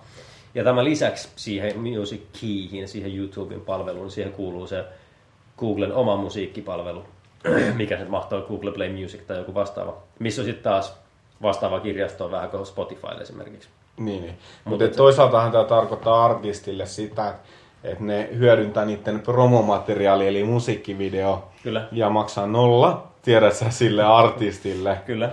Et tota, toki YouTubellakin on se, että kun ne on niin partnershipper monien, monien levittäjien kanssa, niin ne maksaa jotain tavallaan mainostuloja. Mutta silloin kun ne ei niin kuin, saa mainostuloja siinä, mm. niin, niin tota, Mutta siinä on se kuukausimaksu niin sitä mainostuloa vastaan, mutta ei mm. se kuukausimaksu välttämättä riitä ihan kauhean nätisti maksamaan kaikille. Niin, ja mä epäilen, että se ei koskaan niin kuin päädy muuta, koska se on laki eh, synnätty vaan sen, että sä saat niin kuin mukavan palvelun. Kyllä. Tiedät sä, ja sit se ei koskaan päädy niillä artisteilla, mutta et, Ei Spotifystakaan päädy sen koomin sen enempää. Niin. Levyyhtiöt saa rahaa, mutta ei artistit sieltä mitään saa. Toi, tuommoista mun piti, onko jommalkumma tietoa, että pitääkö tämmönen huhu paikkansa, että ää, pitää, tulisi mahdolliseksi, että Spotify voisi ladata omia podcasteja. Onko se Joo, mä itse asiassa oon kuullut Spotifyn podcastista, on kuullut, että ne rakentelisi sellaista. Mä en ole kuullut siitä vielä niin sen tarkempia aikatauluja. Niin kuin mäkin vaan niin törmäsin vahingossa, ja sitten mä rupesin äsken nopeasti kotiin googlettaa, mutta en mä saanut aikaiseksi. Joo, siis se on tulevia juttuja. varmaankin se on hyvin mahdollista, että onhan tosi paljon nyt semmoisia palveluita, mitkä jos sulla sä oot esimerkiksi musiikin tekijä, niin, niin sä saat sun tota, biisit sinne. Hmm. Niin, niin tota, se menee vaan, että ne on niinku tavallaan joku levitysyhtiö, mikä laittaa niiden katalogiin sun biisin ja ohjaa sen tuoton itsensä ja niiden kautta sulle ja tällainen. Mutta se on enemmän promo niille artisteille, koska tota, onhan se komea, että sä voit sanoa, okei, okay, että tämän voi iTunesista Spotify, niin ne sama myö, myös sitä iTunesia myy. Mm. Se on ainoa paikka, mikä enää myy. Niin käytännössä. iTunes, Spotify ja tällainen mm. kun siitä et käy lataamassa ja pist vähän sen tilirahaa siinä samaan, niin, niin tota, toi, että et sit se tekee susta vähän niinku real artist, mutta sä oot maksanut sen niinku toimenpiteen. Eli VK-podcastinkin voi tulevaisuudessa löytää ehkä Spotifysta. Päivästä. Se riippuu kuinka halpaa Ja ostaa iTunesista. Sillä me ei enää niinku, 99 senttiä. Se olisi aika tiukkaa kyllä pistää niin jakso 99, ei ketään sit tulee joku tonni kuukaudessa. Mitä? Kuka ei kuuntelee? Nyt. Voi kaikki pois sieltä. Joku kuuntelee oikeasti. Joo, mutta siis joo, tuo mielenkiintoinen tuo Spotify, Spotifyn tuo podcasti on tosi järkevä, koska podcasti on mm. taas lujassa nosteessa maailmalla ja Suomessakin jälleen nousussa. Selkeästi puheradio kiinnostaa ihmisiä. Mä en ymmärrä miksi. En mäkään. Mulla ei ole mitään hajua. siis, siis tota, okei se on hauskaa taustamelua, mutta et niinku... Niin. Siinä ei tarvitse koko ajan vaihtaa sitä biisiä sillä kun sä kuuntelet musiikki. No ei tääkään nyt oikein. Mutta ei se, se, mikä tota, jännä, että kun sitä on niinku maailmanlaajuisesti mm. koitettu ajaa sellaista tota, tota, tota, niinku, ää, tällaista 4G-yhteyttä tai langatonta yhteyttä 3, 4, 2, 1G, niin tai siis kuitenkin mikä olisi niinku ilmainen, semmoinen perus periaatteessa, että monet laitteet pystyy olemaan tavallaan Joo. nettiyhteydessä jakamaan jotain dataa ilman, että niissä on liittymä. Niin, niin tota, tällaista on niin jännä nähdä, että missä vaiheessa tulee esim, että kävisi näin, että autoihin, niin ne autoradiossa, niin sit voisi käydä niin kuin, podcasteja sieltä kuuntelemassa. Niin sitä kautta, että sieltä vaan niin kuin, sulla ei ole enää radiokanavia, sulla on vaan ihan helvetistä musiikkia kaikkea. Sitten koko vitu automatka sillä kun mekin ajetaan täältä jonnekin Kajaniin, niin me ei olla sillä vähän ennen Kajani, niin jos tää biisi kuunnellaan, nyt turpa kiinni, sillä sitä on vaihdettu joku 50 kertaa saatana. Jo, ja sekä ei riitä siellä, kun kaikki haluaa valita se oman kanavan taikka äänen taikka tällainen. Mutta kuitenkin Yksittäisen äänen. meidän, meidän pitäisi muuten tätä. tääkin tehdä niin, kuin niin, että me voitaisiin tiedä, että sä, tiedätkö, valita tää. Meillä on nyt niin paljon mikkejä kanavi, että saa valita, että minkä äänen sä haluat näistä. Sun ei pakko kuunnella siinä Petriä. Ei todellakaan, Petri ei tarvitse kuunnella.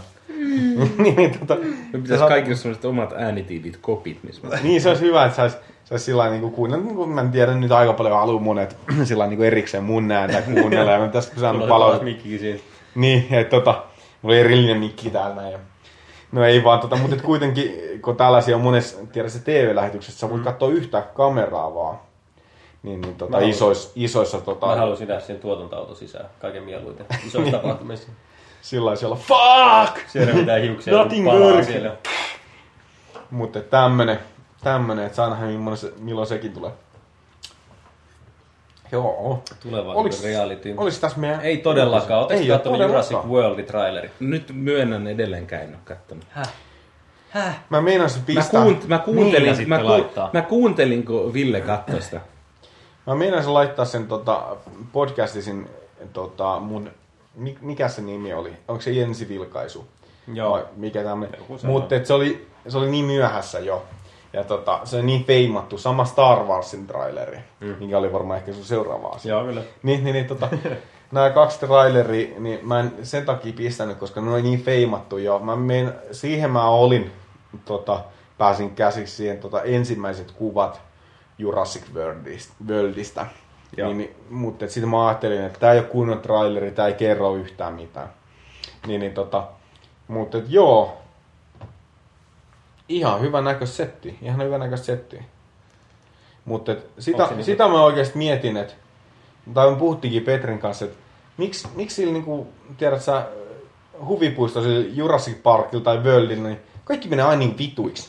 Niin, Miksi se, miksi, se, miksi se kerran, kun sä suunnittelet se hyvin se homma, niin miksi tossakin oli vähän niin kuin, että no, et sekoitetaan vähän geeneet, siitä tulee semmoinen supertirnaso, niin kuin tiedät sä, dino, tällainen. Mm. Minkä takia pakko lähteä? Ja jengi tulee katsomaan niin, tiedät sä, dinosaurusaikaisia dinoja, tiedät sä, sitä satana vanhaa historiaa. Ei ne halua, että siellä on niin kuin, tiedät sä, puoliksi kissa, puoliksi possusla. Kato mikä tuolla on! niin, tota, Olisiko se sitten kissu? kissu. Mutta siis, siis, eihän Jurassic Park ykkösessä olisi muuten mennyt vituksella, ne olisi palkannut sitä, että kusipäät sen. eh. No se, sehän pilas sen kaiken. No eiköhän tuo kusivaa palkattu, mikä se uuden dinosauruksen kokkaa. No aivan, mutta siis se, Palkkaisi paremmin Jurassic Park henkilöstöä. 1 olisi voinut niinku, se olisi voinut olla se menestystarina, jos siellä ei olisi ollut sitä yhtyöntekijää, mikä koittaa varastaa niitä. Ja mieti, meilläkin saattaisi olla jo semmoinen puisto täällä, jos se ei olisi mokannut siinä leffassa yksi tyyppi. Se on Äh. Mi- en tiedä, mi- miten ne pystyy hoitamaan asiat niin vituiksi. Kyllä pitää sitten olla taas pyörittämässä. Niin. Niin. Mutta eikö, eikö Okei, okay, sulla on Harri, täällä on muuten palkattaisi, mutta on rikosrekisteri. Sitten sulla on tota, tässä sun pissanäytteessä oli ainakin kuuteri huumetta. En tiedä mikä toi kuudes oli, mutta et, tota, se oli hyvin vängän näköinen. Ja tota, muutenkin, muutenkin sä oot aika työkyvytön tähän hommaan, mutta tervetuloa Harri. Taputetaan Harri sulle tähän. Sitten se kusee kaikki homman. Okei, mä tiesin, niin. Ja näin tämä ole niin sieltä työhaastattelussa. Mutta eikö teitä yhtään häiritte, että tämä on sama elokuva kuin se ykkönen, mutta siellä on vaan enemmän jengiä ja enemmän dinosauruksia Häh? siellä hallissa. Häh? Ai jaa, mä luulin, että tämä on niinku uudelleen rakennettu.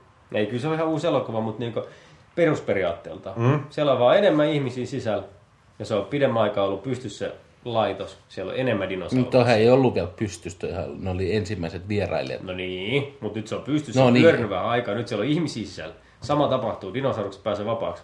Oh-oh. Mut hei, Niin, mutta siellä on se kissu. No niin, se oli kissa possu. Enkö kissu? Possa. kissu on paljon paremman Niin kuulonen. Pysytään Enari Petri siinä. meni ihan solmuutus possa. niin, tota, tosiaan, sitä, sitä mä mietin, mietin, että toi, kato, sehän on Jenkkien pitämä, niin, niin totta kai ne on saanut helposti se tiedätkö, alueen, alueen haltuun, koska mm. Jenki tietää, että dinosauruksista tulee niinku, tiedätkö, jonkun parin tuhannen vuoden sisällä öljyä, niin, niin se on ollut tietää? helppo tiedätkö, käydä tappamaan sen kaikki ja vallat se uudestaan, koska ne on tiennyt, että hei, myöhemmin tämä tulee olemaan niinku aivan priceless, aivan priceless. Vähän niin kuin kuvait, mutta kuitenkin. Niin, niin tota, että toi, toi, Yritätkö sä nyt kertoa, että mun lapsuuden muovisotilat on tavallaan niin tehty dinosauruksista? Oh. oh. Ja ne Nice. dinosaurukset, mitä sulla on lapsuudessa, Ei. ne on oikeasti ollut dinosauruksista käytännössä. Niin mä olisin... Vitsi, kun mä olisin ostanut joskus siitä Jurassic Parkille Se mua harmittaa, että tässä vanhemmalla jos sä iällä, pistät niin... semmoisen lelusotilaan sun pylly, niin sä voit kuvitella, että T-Rex on pannut sua. niin, mä, mä, olin kyllä tulossa, että mua harmittaa, että mä en koskaan ostanut kolme euroa muksumassista X-Files-figureita, mutta Et ostanut. no en ostanut. Kolmella eurolla? Kolmella euroa. Silloin kun sä olet pieni. Ei, kun on sit nyt varmaan joku niinku kymmenisen vuotta, mutta siis kuitenkin. Silloin kun Silloin eurot kerrottiin. tuli, Petri, niin sä oli 26. 2001 What? 2001 ja mä olin 26. Joo, Petri. Mä en osaa laskea. Joo, siitä tulee tasa 30 tähän vuoteen. 6 plus. Jonska kato taitto sitä aikavyöhykkeitä, niin, niin tässä nyt on kymmenen vuotta mennyt vähän hitaammin. Voi Jonska, minkä teki. Kaiken näköistä Jotska tekikin. Entäs sitten tuo Star Wars? Ei ollut Jar Jar Binksi, mä. Ei ollut vielä. Mä oon tota aika paljon jauhanut eri ihmisten kanssa siitä jo. Mut Onko sano, sulla semmonen joku jauhantakone. jo valmeen? Ne on mulla- valmeen jo. Kuka haluaa vetää nokka? Jaha, Ei, tää olikin Star Wars. Pölyä. Sanokaa nyt, mitä teette. Mä oon nyt puhunut. Sä oot puhunut siitä tarpeeksi ympäri maailmaa vai? Ei, toi siis, toi oli mun niin mielestä tommonen enemmän teaseri. Siis Tota, teaserihan se oli. Seriä se olikin. Mm. Ja tota, mun mielestä tosi huono vielä, koska siinä oli, no okei, Älä siinä, niin silloin tosi makea valomiekka. mutta siinä oli just ne pari elementtiä, oli tota, Stormtrooperit kerrottiin, ne, niitä on. Sitten siinä on Miksi kerrottiin X-Wingsia. Stormtrooperista? Miksi? Niin. Miksi vai missä? M- miten sä perustelit nyt itselle, että siinä on Stormtroopereita? No kun niitä oli semmoinen kauhean läjä siellä jossain kuljetusalueella. Niin muuten olikin, joo. Joo. Mä, mä Sitten unohdin heti tämän- alussa, kun se nousi. Niin, mutta kun Stormtrooperit ei ole ihmisiä. Niin, Nehän mistä tiedät? No, kun Hei, Mistä tästä, tiedät tuosta universumista? tästä mä haluaisin tulla. Tota, ää, missäs näissä uudemmissa Star Warsissa, eikö ne ollut valkoisia ne kloonit? Ne Stormtrooperit. Stormtrooperit, joo. Niin sit se nousee, niin se on heti tumma. Ja se Okei. tää Jollain, voi, jollain voi olla syntymämerkkejä, mutta se on ihan kokonaan musta. Mutta Okei, siis tää oli olihan niinku rasistinen Mark. Hamill, Mark Hamillkin oli kuitenkin niinku pukeutunut Stormtrooperiksi Niin, vanhoissa elokuvissa. niin kyllä. Tämähän voi, tämähän voi, Tää voi olla tämmönen, joo joo, Kyllä. kyllä. Tämähän voi olla niinku, tota noi, toi Samuel L. Jackson oli tuossa öö, noissa uude, uudemmissa elokuvissa. Mm. Niin, niin tämähän voi olla Samuel L. Jacksonin poika. Mm, kyllä. Tai se voi olla poika, mikä yrittää soluttautua. Se on hukannut kypärässä, kypärässä ja aavikolla. Se, missä se on? Mun mielestä se oli enemmän sellainen darska. Ei helvetti, mitä kello? Sitten, okei, mun pitäisi olla niinku nyt siellä tota, kuoleman tähdellä. Pakko lähteä sitten katsoa taivaan. Ei persee. Ja ihmä kahvinkeittimen päässä ja palaa se vittu. Tiedät sä, kuoleman tähti vieläkin. Oh, voi helvetti, helvetti. Se oli jotenkin miele, enemmän mielemaisema se aavikko. Se oli suu niin kuiva, se tuntui siltä. Niin kuin aavikolla. Mutta et, tota, sit siellä oli tää Han Solon Millennium Falcon. Millennium Falcon ja tota, toi X-Wing, mistä. Se oli ihan vitunätti se kuva. kun Ne, X-Wingit sieltäkin. ne ajoi sen vedenpinnan päälle, niin se oli ihan vitunätin näköinen se kuva. oli. Tuli hirveä siinä kohta tulla Siinä tuli stopis. Joo, ja kolahti pöydän reunaan. Siinä, siinä kohtaa se, siinä kohtaa muovisotilas tippui perseestä. Eikö se oli Tyrannosaurus? Mutta tota, mut siitähän on nyt analysoitu, anali, Analysoitu. analysoitu niin, niin tota, Aasilta. jo vilto, viltoja. Viiltoja. Ei vaan vikoja siitä trailerista. Esim, siinä on tota, lähikuvassa, missä on se aavikolla oleva se no kuitenkin se leijuva mopedi, mm-hmm. niin, niin tota, sen kulmassa on ollut kaiken näköisiä putkia, mutta laajassa kuvassa niin siinä ku, tavallaan laitteessa ei ole enää mitään niitä samoja putkia. Ei se ottanut ne pois Jos on aika mitä jos on eri laite? Mm, se voi olla, se voi olla. Mm. Mutta tota, harvinainen se vähän toi kertoo. Se Joo, niin, siis muutamat elementit. se oli. Niin, tai tätä mitä mä oon nyt siis niinku jauhanut tästä ennenkin, niin joo, nyt on teaseri kyseessä. Mm. Ja, a, a, mut mä olisin silti halunnut, että siinä olisi ollut, ei välttämättä semmoinen niinku juonnellinen punainen lanka, mutta kun tämä oli tämmöinen ihme sillisalaatti, missä oli Joo. vähän niinku kaikkea. Olisi se sitten jonkunlainen semmoinen niinku yhtenäinen tekijä ollut. Tuo oli vaan semmonen peniksen. Mutta siis niinku mun mielestä taas tommonen on kivempi kuin semmonen, että tässä on jännittävimmät kohdat ja loppuratkaisu. No joo, mutta et Mut silti et- siinä olisi voinut olla joku semmoinen, että Niin, niin, mutta siis tuolla pelattiin varma Niin. päällä. Se nyt oli. Mutta toi, mut se, se olisi ollut sellainen perinteinen joku nostaa kädet. Ja se, se olisi voinut pelkkä se miakka tiedä se niinku, There is two heavens. Ootteko te Now you will go hell.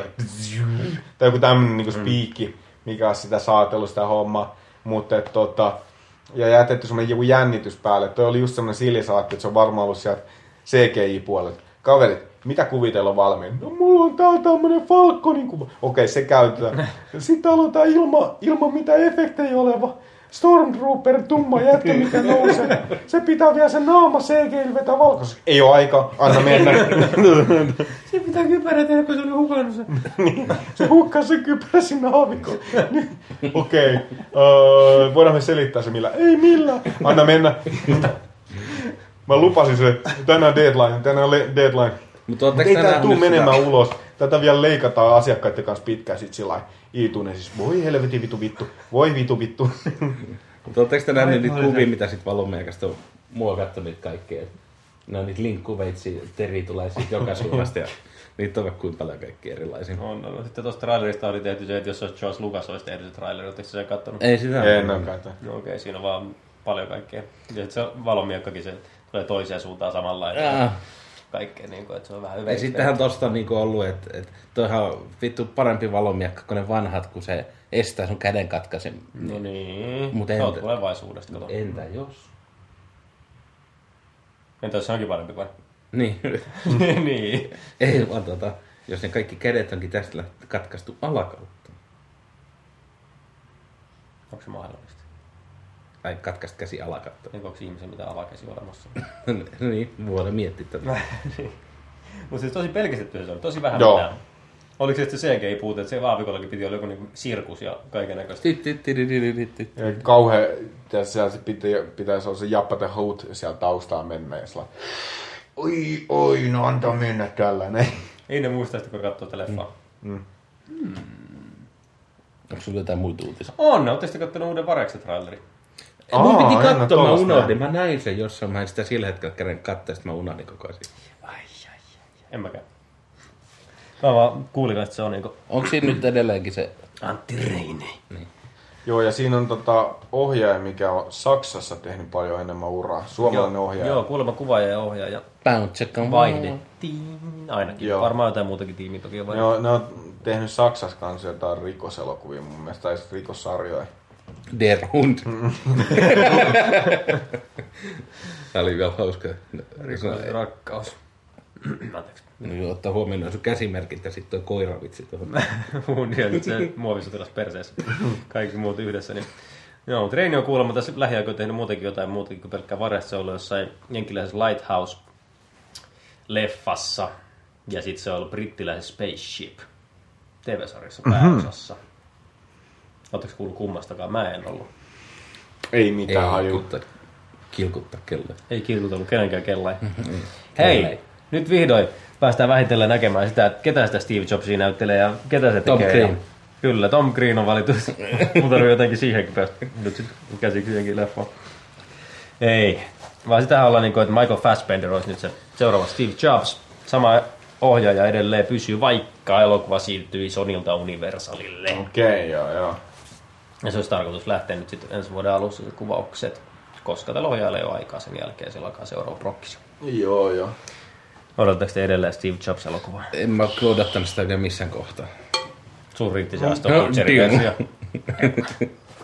Muuritti Aston Kutcher. Niin, Ei, tota- mul, tuli tota yksi Vai haluatko sä jatkaa tästä vielä? En mä tästä jatka vaan mun Mulla lisää. mul tuli yksi mieleen. Mä en tiedä, se saattaa olla siellä suutislistassa. No, joo, heitä vaan. Niin tota, katoitteko te tämä Putin-video? Tanssiva puuttelu oli mun seuraava mun listallani. Joo, Missä oli. Ketonen ja Myllyrinne. Kyllä, se nousi oikein niin maailmanlaajuiseksi uutiseksi. Hollywood Reporterkin uutisoi siitä. Se oli harmi, että tota, Kertoi, että se näyttelijä, mikä on näytellyt elokuvassa sauna. Se on hyvä, kun mä näin se ensi. Sitten mä olin silleen... Onko se Putin? Eikö mä olin silleen, että, että en mä jaksa katsoa. Mut sit tota, Sä näit sen ja sit sä olit en mä katsoa. Joo, siis mä olin Facebookissa oli se tosi, mä en mä katsoa.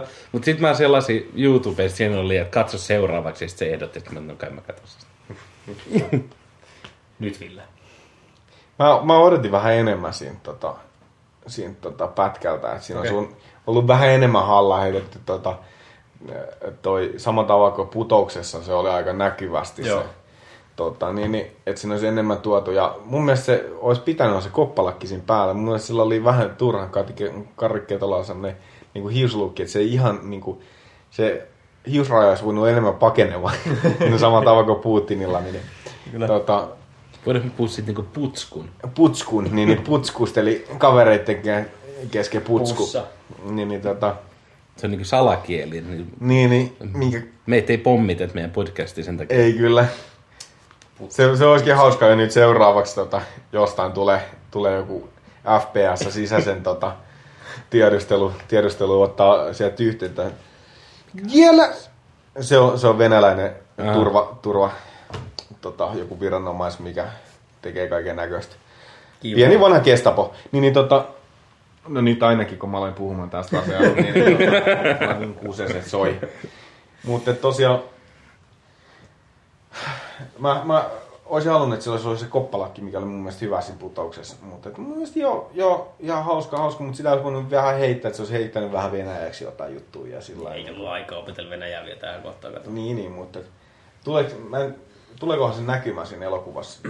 Kyllähän se on yksi hahmo siinä elokuvassa. Eikö tää, tää, tää, oli, tää oli nyt vaan tämmönen teaser. Tää oli tässä. Se, se ei näytä, jätetään pois, leikataan. Mutta siitähän on ne materiaalit, voi ladata itselleen. Ah, ai raakamateriaalit. Joo. Että se on voi tehdä oma, niin, Epikillä. Mm. Indie Rentalsi Epikillä. Onko näin? Joo. Oli turkulaisfirma. Onkohan Turussa? Siellä oli varmaan just Miksei se, meiltä tota, otettu? Niin, niin Se ei vielä otettu. Timo. kun meillä ei ollut Timo, me PMO. on tässä vähän halvemmalla tuossa. Timo. Samyangin 50 linssi ei ole muuta, että se tulos jossain vaiheessa. Setti on muuta aika valmis. Saatana, jos siellä joku kuuntelee saatana Samyangin. Etelä-Koreassa. Pyrkkele Suomeen niitä. Tai jos kun kuuntelee joku digitarvikkeen, niin viestii sinne saatana Etelä-Koreaan.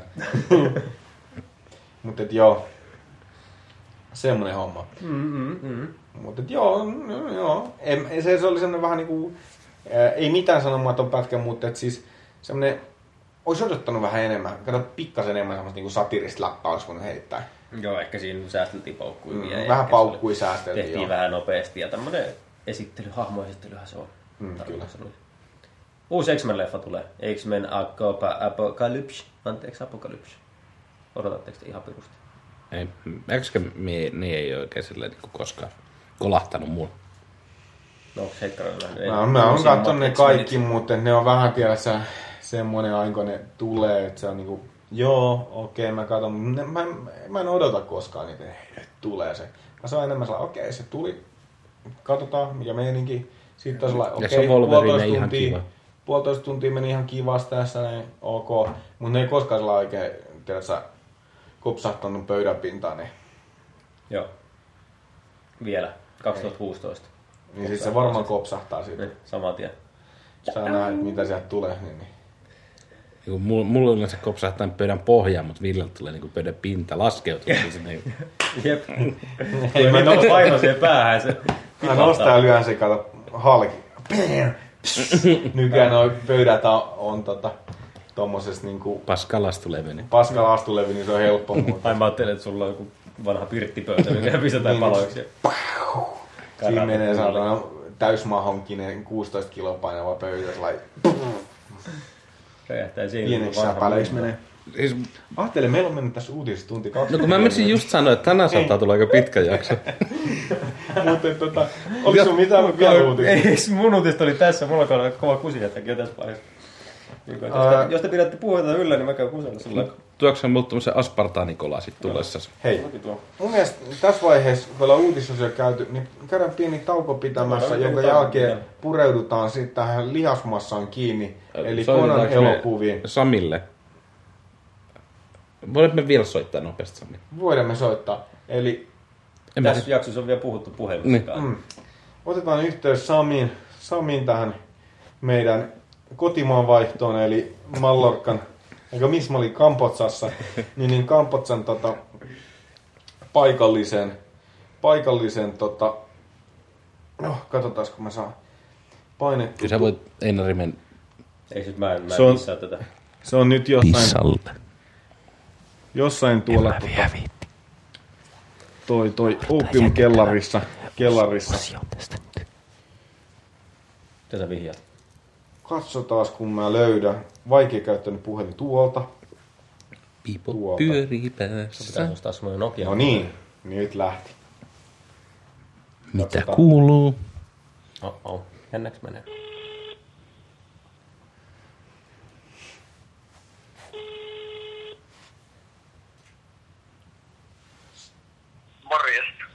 Terve, terve. Mitäs mies? Eipä tässä mitään kummempaa. Mitäs kuuluu? Toimistolle päin menossa. Ihan jees. Ihan jees. Väärä vastaus. Väärä vastaus, sori. Nyt meni Mallorcan matka ohi. Kuuluuru. Ei enää onnistu. No vittu, kun en mä nyt kannattanut kuulla, että on jotain podcastia. Sun pitää aina, aina tiedä, että sä ajan hermolla. Ja päästä irti siinä, siinä nyt siellä Kampotsassa, niin, niin siitä opium, opiumpiipusta, niin, niin. No niin, kato, kun, siis kun mä oon autossa, niin mä en kuulu sitä akustiikkaa, että se on Petrin luola. Niin mä en tota, silleen tunnistanut sitä äänen sävyä. Silleen. Eikö me olla Kampotsas? Me ollaan Kampotsas. Koko jo, me ollaan Kampotsas lakisyy, syyllisistä Aa, asioista. Me ollaan niin paljon tänään, niin kuin tiedät, Suomen ja Venäjän välistä. Laki tota, syylliset asiat.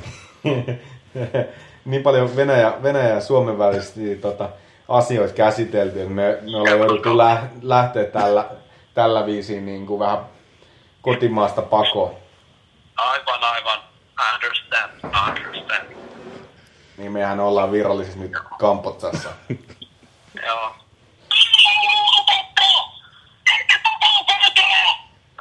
Tää joku huutelee ikkunasta. Tää on Ei niin, että mä tiedä, mitä tää. Okei. Okay. Mutta ei mitään, kiitos, kiitos tästä ja tota, Joo, ei mitään. Palataan seuraavalla kerran. hei hei. Mitä? Ei moro moro. Moro, Hei, hei. morjes. Moi moi. Niin, niin tota, Ei lähtenyt Mallorcan matkaan. ei lähtenyt ja valitetaan Ramiliski se rosvosektori. Niin, niin kyllä. Täällähän on tämmönen pieni tota, tota, tota, onnenpyörä, mitä me pyöritään niin kuin Ramikin, Ramikin kuuli. Eli aina pistetään pyörimään täällä. Ja sieltä olisi Mallorcan matka lähtenyt kolmelle henkilölle. Ai ai ai. Kari Salmelle ja totta, Samille sekä sitten Avekille. Muista, muistaakseni napakympin Se muuten? oli Kari Salmelainen. Kari Salmelainen. Kari Salmelainen on aina joka matkassa. Mutta tuli mieleen siitä napakympis, niin mm. Kun siinä oli tämmöisiä loppuinserttejä, missä aina seurattiin jotain avio, tai aviopari, vaan tätä uutta niin kuin, Paria. Pa, paria, paria, mikä pääsi jonnekin matkalle. Niin minkä helvetin takia siellä oli Kari Salminen tota, pienessä hönössä sit, tota, mukana? Kari Salmilainen. Totta kai.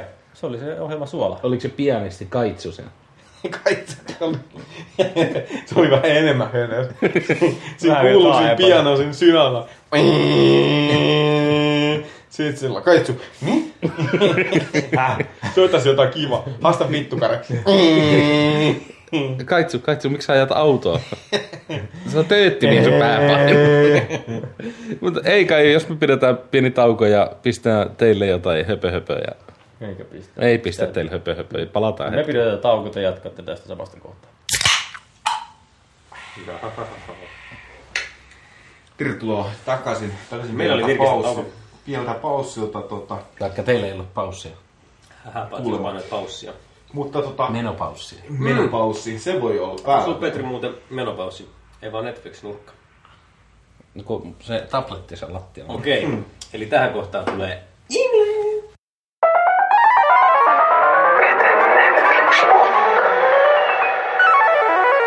Ei, ei välttämättä.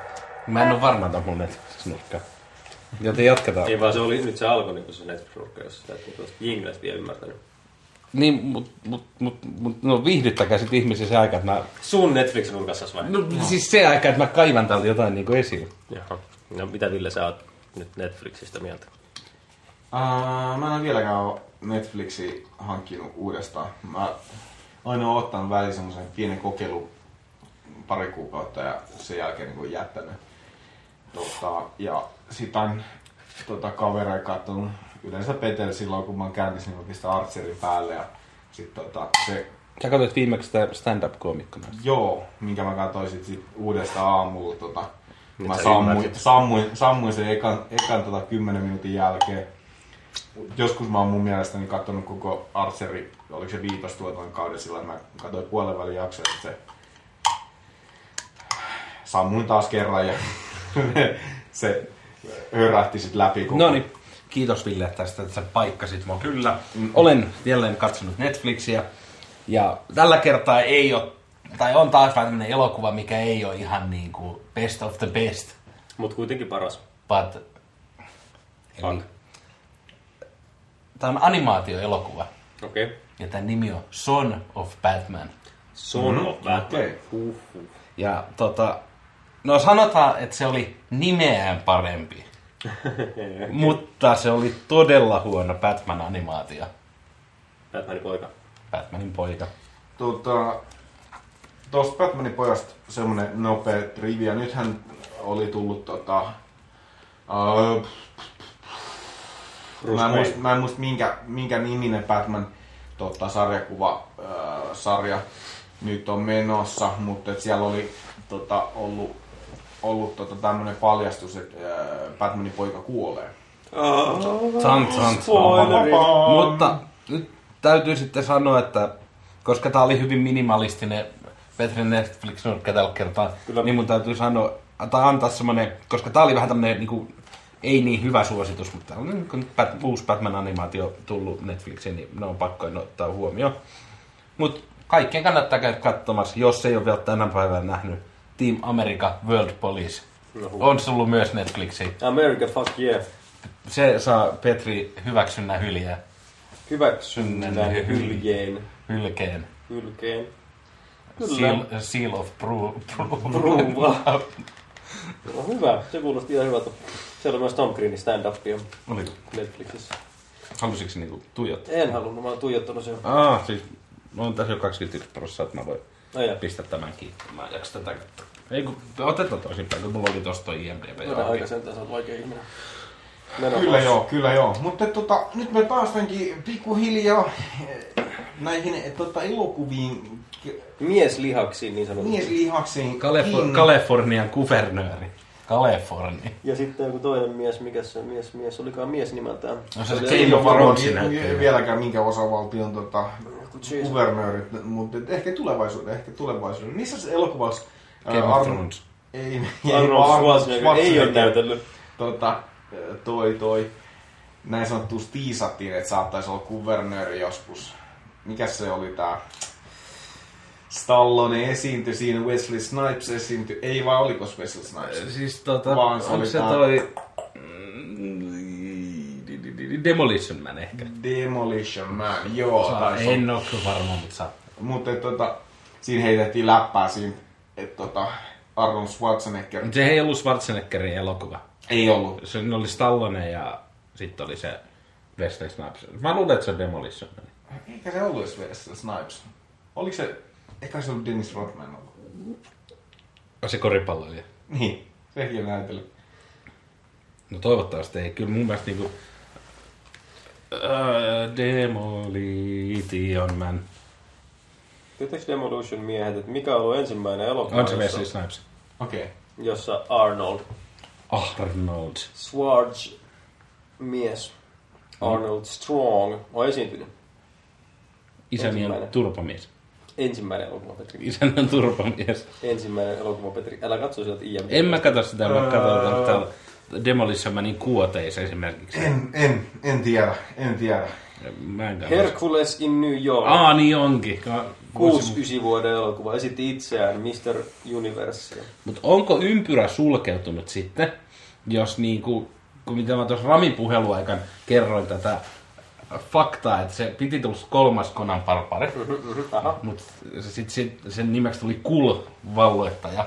Eli se Kul Kul, on niinku se Conan, mutta se on Kul. Joo.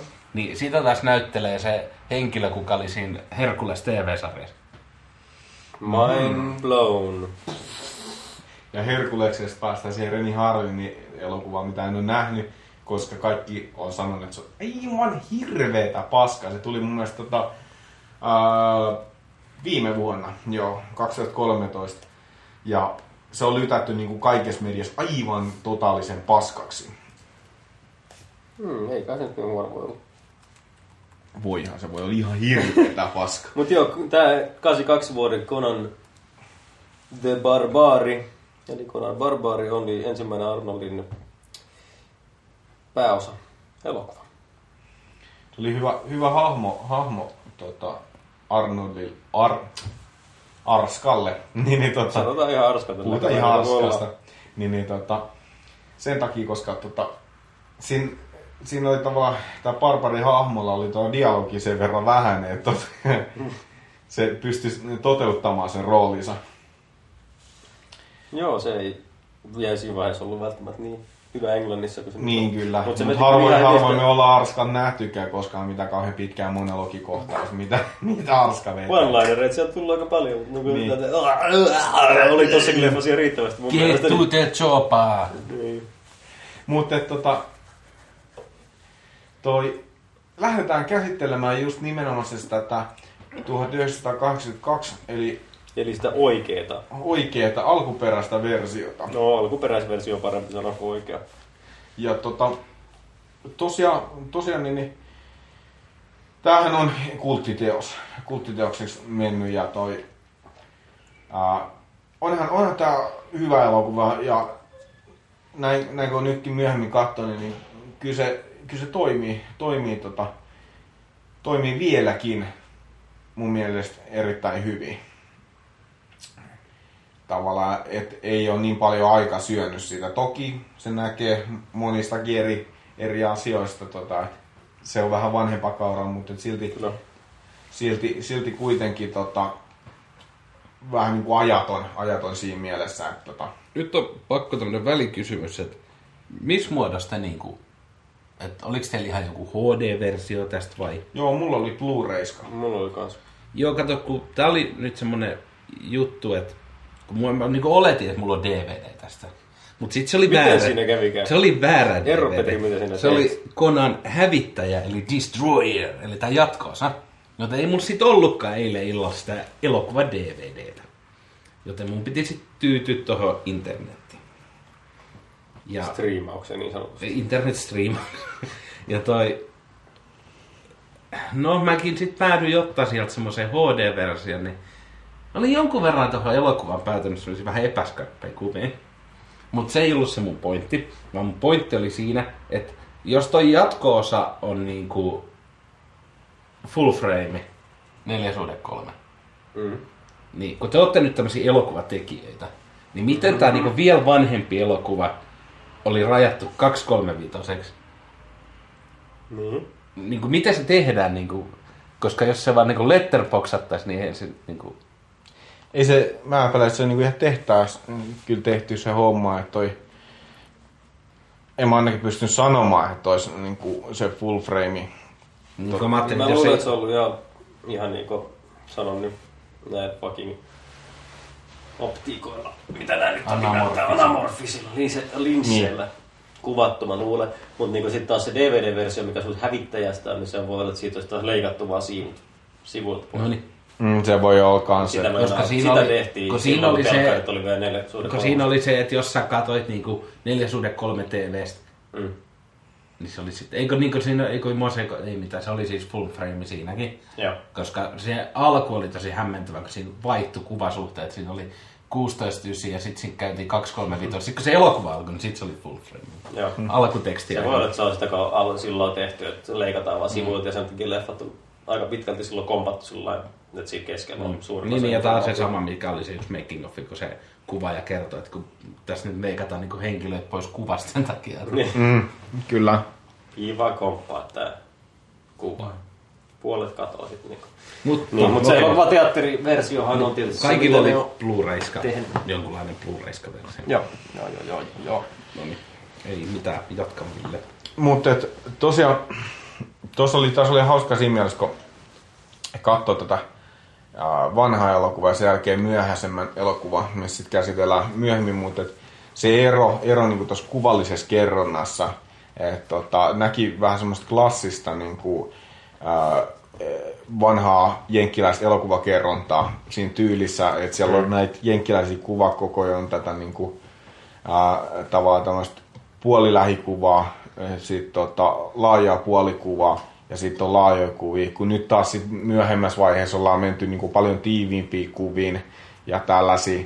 tällaisia sit, tota, se mikä on noissa vanhoissa elokuvissa on siinä mielessä hienoa, että tota, ei ole pystytty niillä niin kuin, tai jossain vaiheessa niin kuin 90-luvulla alettiin tota, menemään noissa taistelukohtauksissa tiiviin kuviin, koska niillä oli helppo pätkiä sitä taistelua. Mm. Että sä voit tota, tehdä jonkun lyönnin vaan niin kuin, semmoinen, että se hujahtaa kamera ohi, niin se on näyttää tota, Näyttää niin kuin se olisi lyönyt kameliin. näyttääkö se olisi lyönyt kameli, mutta että, tota, tässä, tässä ne oli kuitenkin niin kuin laajoissa kuvissa, niin ne, ne pitää niin kuin onnistua ne hommat ja ne pitää näyttää, että tällä, tällaisia mies hieno, hieno homma oli, mutta sitten kun katsoi nimenomaan sitä 2011 versiota, missä huomasi, että wow, että kuvakerronta on niin kuin tosi paljon muuttunut.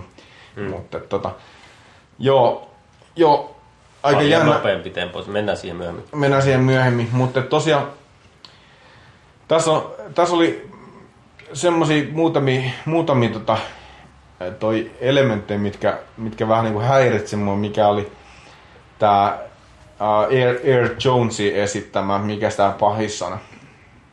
Tämä tummaihoinen pahis, mä en muista mikä sen roolihenkilön nimi oli. Se oli se tummaihoinen pahis. Niin, niin se oli jännä, Sillä nimellä se on lopputekstissä.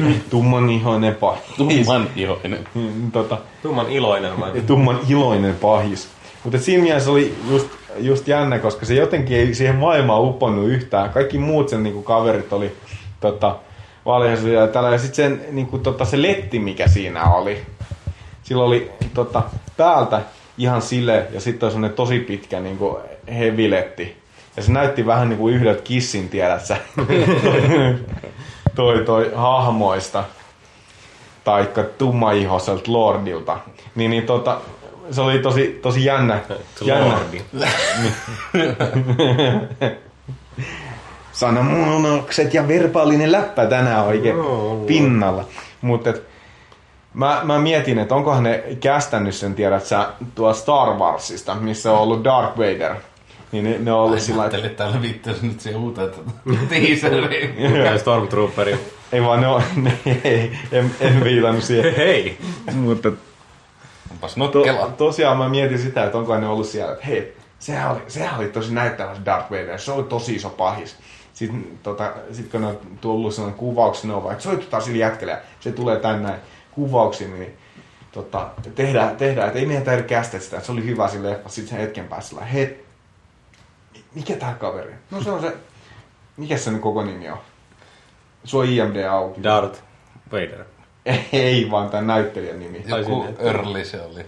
Niin, se oli joku Earl, Earl Jones, Joku. mutta tota, sehän on esittänyt Darth Vaderin äänen. Ja tota, niin, niin ne on ollut siellä kuvauspaikalla. Ei, ei se ole yhtään samanaikainen, samanaikainen kaveri. Eikö sä tiedä, että se veti se äänirooli vaan? Häh? Niin kuin, mut, mutta tota, mi, miten, miten se voi olla? Niin se on ihan eri kaveri kuin että näyttelistä. Ai jaa! Se oli vähän niin kuin lyhytkin se kaveri, mikä oli sellainen niin jännä, mutta kyllä se oli hyvin karismaattinen henkilö aamu, mutta se oli tosi erilainen, erilainen mitä sitä niin kuin luulisi. Yleensä ne on että tota, tuommoisissa barbarisissa leffoissa, niin ne on aina sitten joku semmoinen niin laihanokkainen kaveri tai joku semmoinen, kyllä te tiedätte, jotenkin niin kuin kasvoiltaan, tiedät sä, tyyli Joo, joo. niin, niin tot, se oli tosi jännä, jännä ha, henkilöhahmo. Mutta kyllä siinä pääsi elämään, elämään ja tota, toki tämän elokuvan nähnyt muutamia kertoja, niin, niin se ei ollut enää niin kova askel sillä Se oli niin kova yllätys. niin kova yllätys. Mutta se, tää elokuva tuosta tavallaan taustatarinasta, koska se sijoittuu näihin niin kuin novelleihin, en muista kuka se kirjan nimi on, mutta kuitenkin, niin, niin tota, tää on jännä, jännä tulee tätäkin, tätä ta, tavallaan taustatarinoiden niin kuin varmaan niin kuin erilaisuutta käsittelemään näiden kahden version välillä, uuden ja vanha myöhemmin, mutta et, et tässähän, tässähän tämä Conan Barbaria lähtee siitä, että se on pitkään, pitkään on tota, orjana koko nuoruusien. Ja tota, siellä, siellä se siinä tavallaan kasvaa semmoinen vahvempi, vahvempi ja, et, tota, ja sitten tavallaan vankilasta, vankilasta aika niin kuin vankeudesta pääsee, pääsee tota, erkaantumaan myöhemmin ja tota, pois orjuudesta, niin, niin tässä oli eroja sillä tuohon uuteen, uuteen, missä on vähän eri tavalla Conan Barbarian tota, mm. syntyy. Taustatarina oli samanlainen, samanlainen kysiin, että vanhemmat tapetaan niin kuin Batmanilla. Että semmoisia pieniä niin kuin yhtäläisyyksiä näki tässä. Mm, Conan Barbari on Batman. Niin, mutta et, et, tota, Ainakin tässä uudessa puhuu yhtämereistä. mutta toi on jännä, jännä juttu, lateksiin. juttu toi taustatarina. Näkyy niin paljon nännit siltä. että toi hyvin samanlainenhan tämmöinen niin kuin, äh, vankeudesta sankariksi olevia hahmoja tosi paljon niin kuin kautta mm. aikojen nähty, että tota, taikka just tämmöisestä niin tyyli Mooses, niin, niin mutta et, Mooseksen vedit sitä. veli tähän mukaan Mooses-kortti tähän. Mooses-kortti. Mutta et, Tosiaan. Martin Mooses-kortin. Se on aika huono. Itse asiassa. Ville ei tajunnut. en tajunnutkaan, en mä kuullut sitä läppää. Sen takia sä et tajunnutkaan.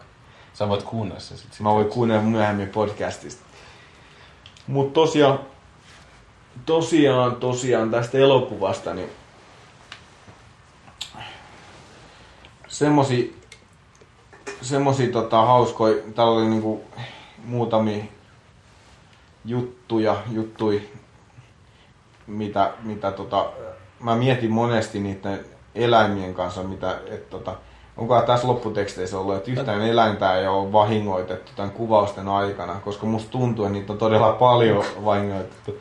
Esimerkiksi siinä yhdessä kohtauksessa, Löytyy sitä kaveria turpaa vai? ne vetää kameli, Arska vetää kameli turpaa ja se tippuu. Ja sitten mun mielestä niin aika pahat näytti myös niissä taistelukohtauksissa ne tota, hevoset, kun ne kaatuu. Kun... Tää oli semmoinen asia, mitä mä tänään mietin, että miten ne on tota, ne hevosten niinku lentämiset niinku oikeasti tehty. Että Onko, ne, onko niitä oikeasti niinku heitetty? Niillä oli semmoisia kuolleet hevosruhoisia, mitä heitetään trampoliinista. Ne, niinku, ne oikeasti lensi aika pahan näköisesti. Joo, ne lensi, lensi tota, Tämän elokuvan tehdessä on vahingoitettu kun mä mietin, eläimiä. että siihen aikaan se CGIn tekeminen ei ole ollut samanlaista kuin nykyään, että on pystytty tekemään sit niinku, Vaikka olisi siinä kyllä aika hieno semmoinen haamutaistelukohtaus. mikä, niin haamutaistelukohtaus, mm. joo. Mistä on haamujengi ollut paikalla. Niin. Mutta sitä mä Pistäät miettinyt, ristiin. Niin. miettinyt tosiaan, Arska. Puu. että mitenköhän nämä on tehty, nämä, tehty nämä jutut, että, että onko siinä lopputeksteihin laitettu oikein sitä. että Et kattonut. En katsonut, että onko yhtä... yhtä Mutta onko tota- se eläimen vahingoittamista, jos sitten heti tappaa se ja tekee siitä makkaraa? Niin, kyllä, että se olisi muutenkin periaatteessa kuollut, on niin, niin niin. me vaan potkittiin heti aikaan ympäri. Se oli jo niin valmis makkaraksi. Ja sen takia se Arska löi sitä kamelia, kun se luuli, että se saa niinku röökiä No, siinä mutta kyllä mun mielestä tossa niinku, oli myös sitä niinku hevosen lyömistäkin. Mm. Että ne pysäytti niitä ratsastavia sotilaita sillä, että se löi sitä hevosturpaa. Niin. Millä muutenkaan? Mutta aika, aika jännä. Mutta ennen aikaa pystytty tekemään, tulihan, mikä se oli, äh, oli se Cannibal Holocaustissa, missä tota, se kuvausryhmä oli itsessä, se oli ihan turha kohtaus, missä ne jonkun tota, kilpikonnan käy tappamassa, minkä, mikä kuvataan siinä tota, elokuva-aikana. Sinne oikeastaan, tai no, liittyy se sellaiseen tarinaan, että ne meni sinne heimoihin tota, tota, ja sitten ne vähän tuhos sen tavallaan kulttuuria siellä, että se oli vähän tämmöinen vastaan, vastaan tota siitä, että nykyihmiset tavallaan tuhoaa vanhaa, vanhaa ja tällaista näin, miten kolonisaatio tappaa kulttuuria oleva, mutta siellä samoihin joskus 80-luvun aikoihin tehty elokuva, jonka 70-luvun, niin, niin, niin, niin kyllä tapettiin niin kuin eläimiä for real niin kuin elokuvaa varten. Tarkoitan se real niin kuin Kela. Niin, niin kuin kelassa. Neljä kelaa. Laitettiin keluille. Niin, niin. Neljä Kelaa tapettiin eläimiä. Mutta tämmönen, tämmönen, mitäs, mitäs huomioon teillä elokuvasta syntynyt? No, täytyy nyt sanoa, että sen lisäksi, mä katsoin ensin väärää elokuvaa, mm. missä mä tajusin siinä kohtaa, kun se sanoi, että Ennen kuin kameli lyöti turpaan. En, et, ei, ei, ei, se ei lyönyt siinä kohtaa vielä sitä kamelia. En- ennen kuin Ei, kamelia niin, lyötiin Niin turpaan. sanoi siltä kaverille, kenen kanssa oli siinä liikenteessä, muistatko, eikö tämä vaikuttaa tutulta, mutta kun sit mun mielestä se kaveri on eri näyttelijä, mikä tuossa oli, että se näytteli eri hahmoakin, mä katsoin IMDbstä. Okei. Okay. Niin se oli vähän hassu, mutta joo, Tässä oli tietäjä. Se oli ehkä tietäjä. Tai se ehkä se oli kertonut jotain legendaa. Mutta kameli läppää. Niin. Niin, mutta tuota, noin, sit mä rupesin rupesin- kameli just ennen kuin... Kohtaa mä rupesin funtsia, että onko tämä nyt oikea elokuva. Että kun tässä viitataan tähän niinku kamelin lyömiseen ja... Ja sit tota, se oli jännä, mä oikeasti, tai siis kyllä mä olin tämäkin nähnyt, ja viimeistä siinä kohtaa, kun mä näin, että se ampui niitä käärmeitä sillä jousipyssyllä, niin mä tiesin, että, että oon mä nähnyt tämän leffan. Mutta tässä oli paljon enemmän niinku tommoseksi tavallaan niinku kasaritoiminta-elokuvaksi, niin tässä oli semmoista niinku kuljeskelu paikasta Joo, toiseen. mä olin tulossa kanssa siihen hilpeeseen hiippailuun, kun ne veti keskenään siellä jossain vuorista. Kun Niin. siis tottunut joku Arskan toimintaelokuva, niin alkuun viisi minuuttia juoni ja sen jälkeen niin yhtä paukutusta. Mutta tässä Joo, oli semmoinen... Tää oli tosi hidastempoinen siinä. Tämä hidastempoinen ja tässä oli semmoisia oikeita elokuvaelementtejä. Joo. Mutta mun mielestä sit taas vaan vaikutti niinku, myös vähän humoristiselta. Mutta kaksi tota, no, miestä. mut mä oon vissi sen jatko-osan nähnyt useammin. Mulla on jäänyt siitä semmoinen kohtaus, missä Sulla on siitä se DVD. Siis mulla on se DVD. niin tota, semmoinen huone, missä on täysin semmoisia peilejä ja sitten se rupeaa taistelemaan semmoista örkkiä vastaan siellä. Mutta se on siinä jatko-osassa. Mä piti sit YouTubesta katsoa se kohtaus, kun sen mä niinku muisti. Joo. Ja sitten se on varmaan jotenkin sillä varmaan ehkä enemmän nähnyt TV-stä, niin se on sitten ehkä se jatko-osa enemmän sitä. Ja tää vähän yllätti, mutta tässä oli tätä niinku tarinaa ja matkustelua ja niin kerron. eeppistä. Mun mielestä oli aika hauskaa, kun Konan pääsi kerrankin pukille, niin sitten naiset tuli ihan hirviö siinä seksiaikaan. Mutta sitä ennenhän sillä on. Sitten se oli kunnon, kunnon äijä onneksi, se heitti sen nuotioon, niin kuin kuuluukin siinä kohtaa. Mutta Se oli aika äksyilee. Mutta olihan se saanut niitä Oli se, Naisia oli se, se oli Niin sillä annettiin se yksi, yksi muija siinä, missä oli oli siinä kohtaus. Minkä se heitti peitoa sitten siinä saman tien. Niin, niin, se oli sellainen, otti kiijuksi sitä rahas. Come here. Äh, Get to chopper! Ja sit se sisä. Get to the chopper! Pyöritti, pyöritti kopteria. Mä en jotenkin Kaikille osu. kuuntelijoille, Pet, eikö Einari tuolla näytti helikopterimerkkiä niin tuossa kikkeliin edustalla, jos ette ymmärtänyt läppää. Niin, mulla oli siis semmoinen pieni kyltti, missä oli helikopteri. Niin kuva. Täältä tulee kopteri. Mutta ne oli kyllä silti, täytyy vielä palata niihin käärmeen nuoliin. Kun se jäykisti ne käärmeet ja se ampui, niin Siinä, Siinä on siinä, aika, innovaatio- siinä on jotain miehekästä mun mielestä. ne on niin kuin innovatiivinen ollut. ko- Molemmissa elokuvissa taisi näkyy Konanin pylly. Ai, ai, Joo. Tais näkyy. Niin kuin, että muka varmaksi muistaisi. Mutta siis se jälkimmäisessä näkyy ainakin. Mutta Mutta kyllähän tässäkin näkyy. Kyllä. mut, Totta kai. No totta. Arskalla on niin treenattu koko kroppa, että kyllä piti näyttää nekin lihakset. kaikki sen näitä. Mutta tästä en mä ihan hirveän paljon muistanut, mutta tota, nyt, nyt mä muistan. Nyt muistan. Sulla on siellä joku pitkä lista jotain. Ei tää ole kahden elokuvan eri listat. Näissä on aika vähän itse asiassa informaatiota, mutta tota, ennen kuin mä menen tähän mun knoppitietoon tästä elokuvasta, mä ehkä voisin fiilistellä vähän vielä jotain, jotain kohtaa. Käärmeet. Tässä oli vähemmän, vähemmän asioita kuin siinä uudemmassa elokuvassa. Tiedät mihin mä petyin? Mä haluan Tämä tämän oli maltillinen. Joo, katkaista. kakkasta. Nimenomaan sitä pääpahis, niin, niin kun se muuttui siinä käärmeen. Niin kuin mä menisin orkioiden, orkioiden niin kuin, a- aikana. Mm. Ja sitten se pyöri siellä käärmeenä. Niin mä mietin, minkä takia sitä ei niin hyödynnetty taisteluissa, että se olisi joskus siellä lopussa ollut sellainen niin iso, iso käärmi.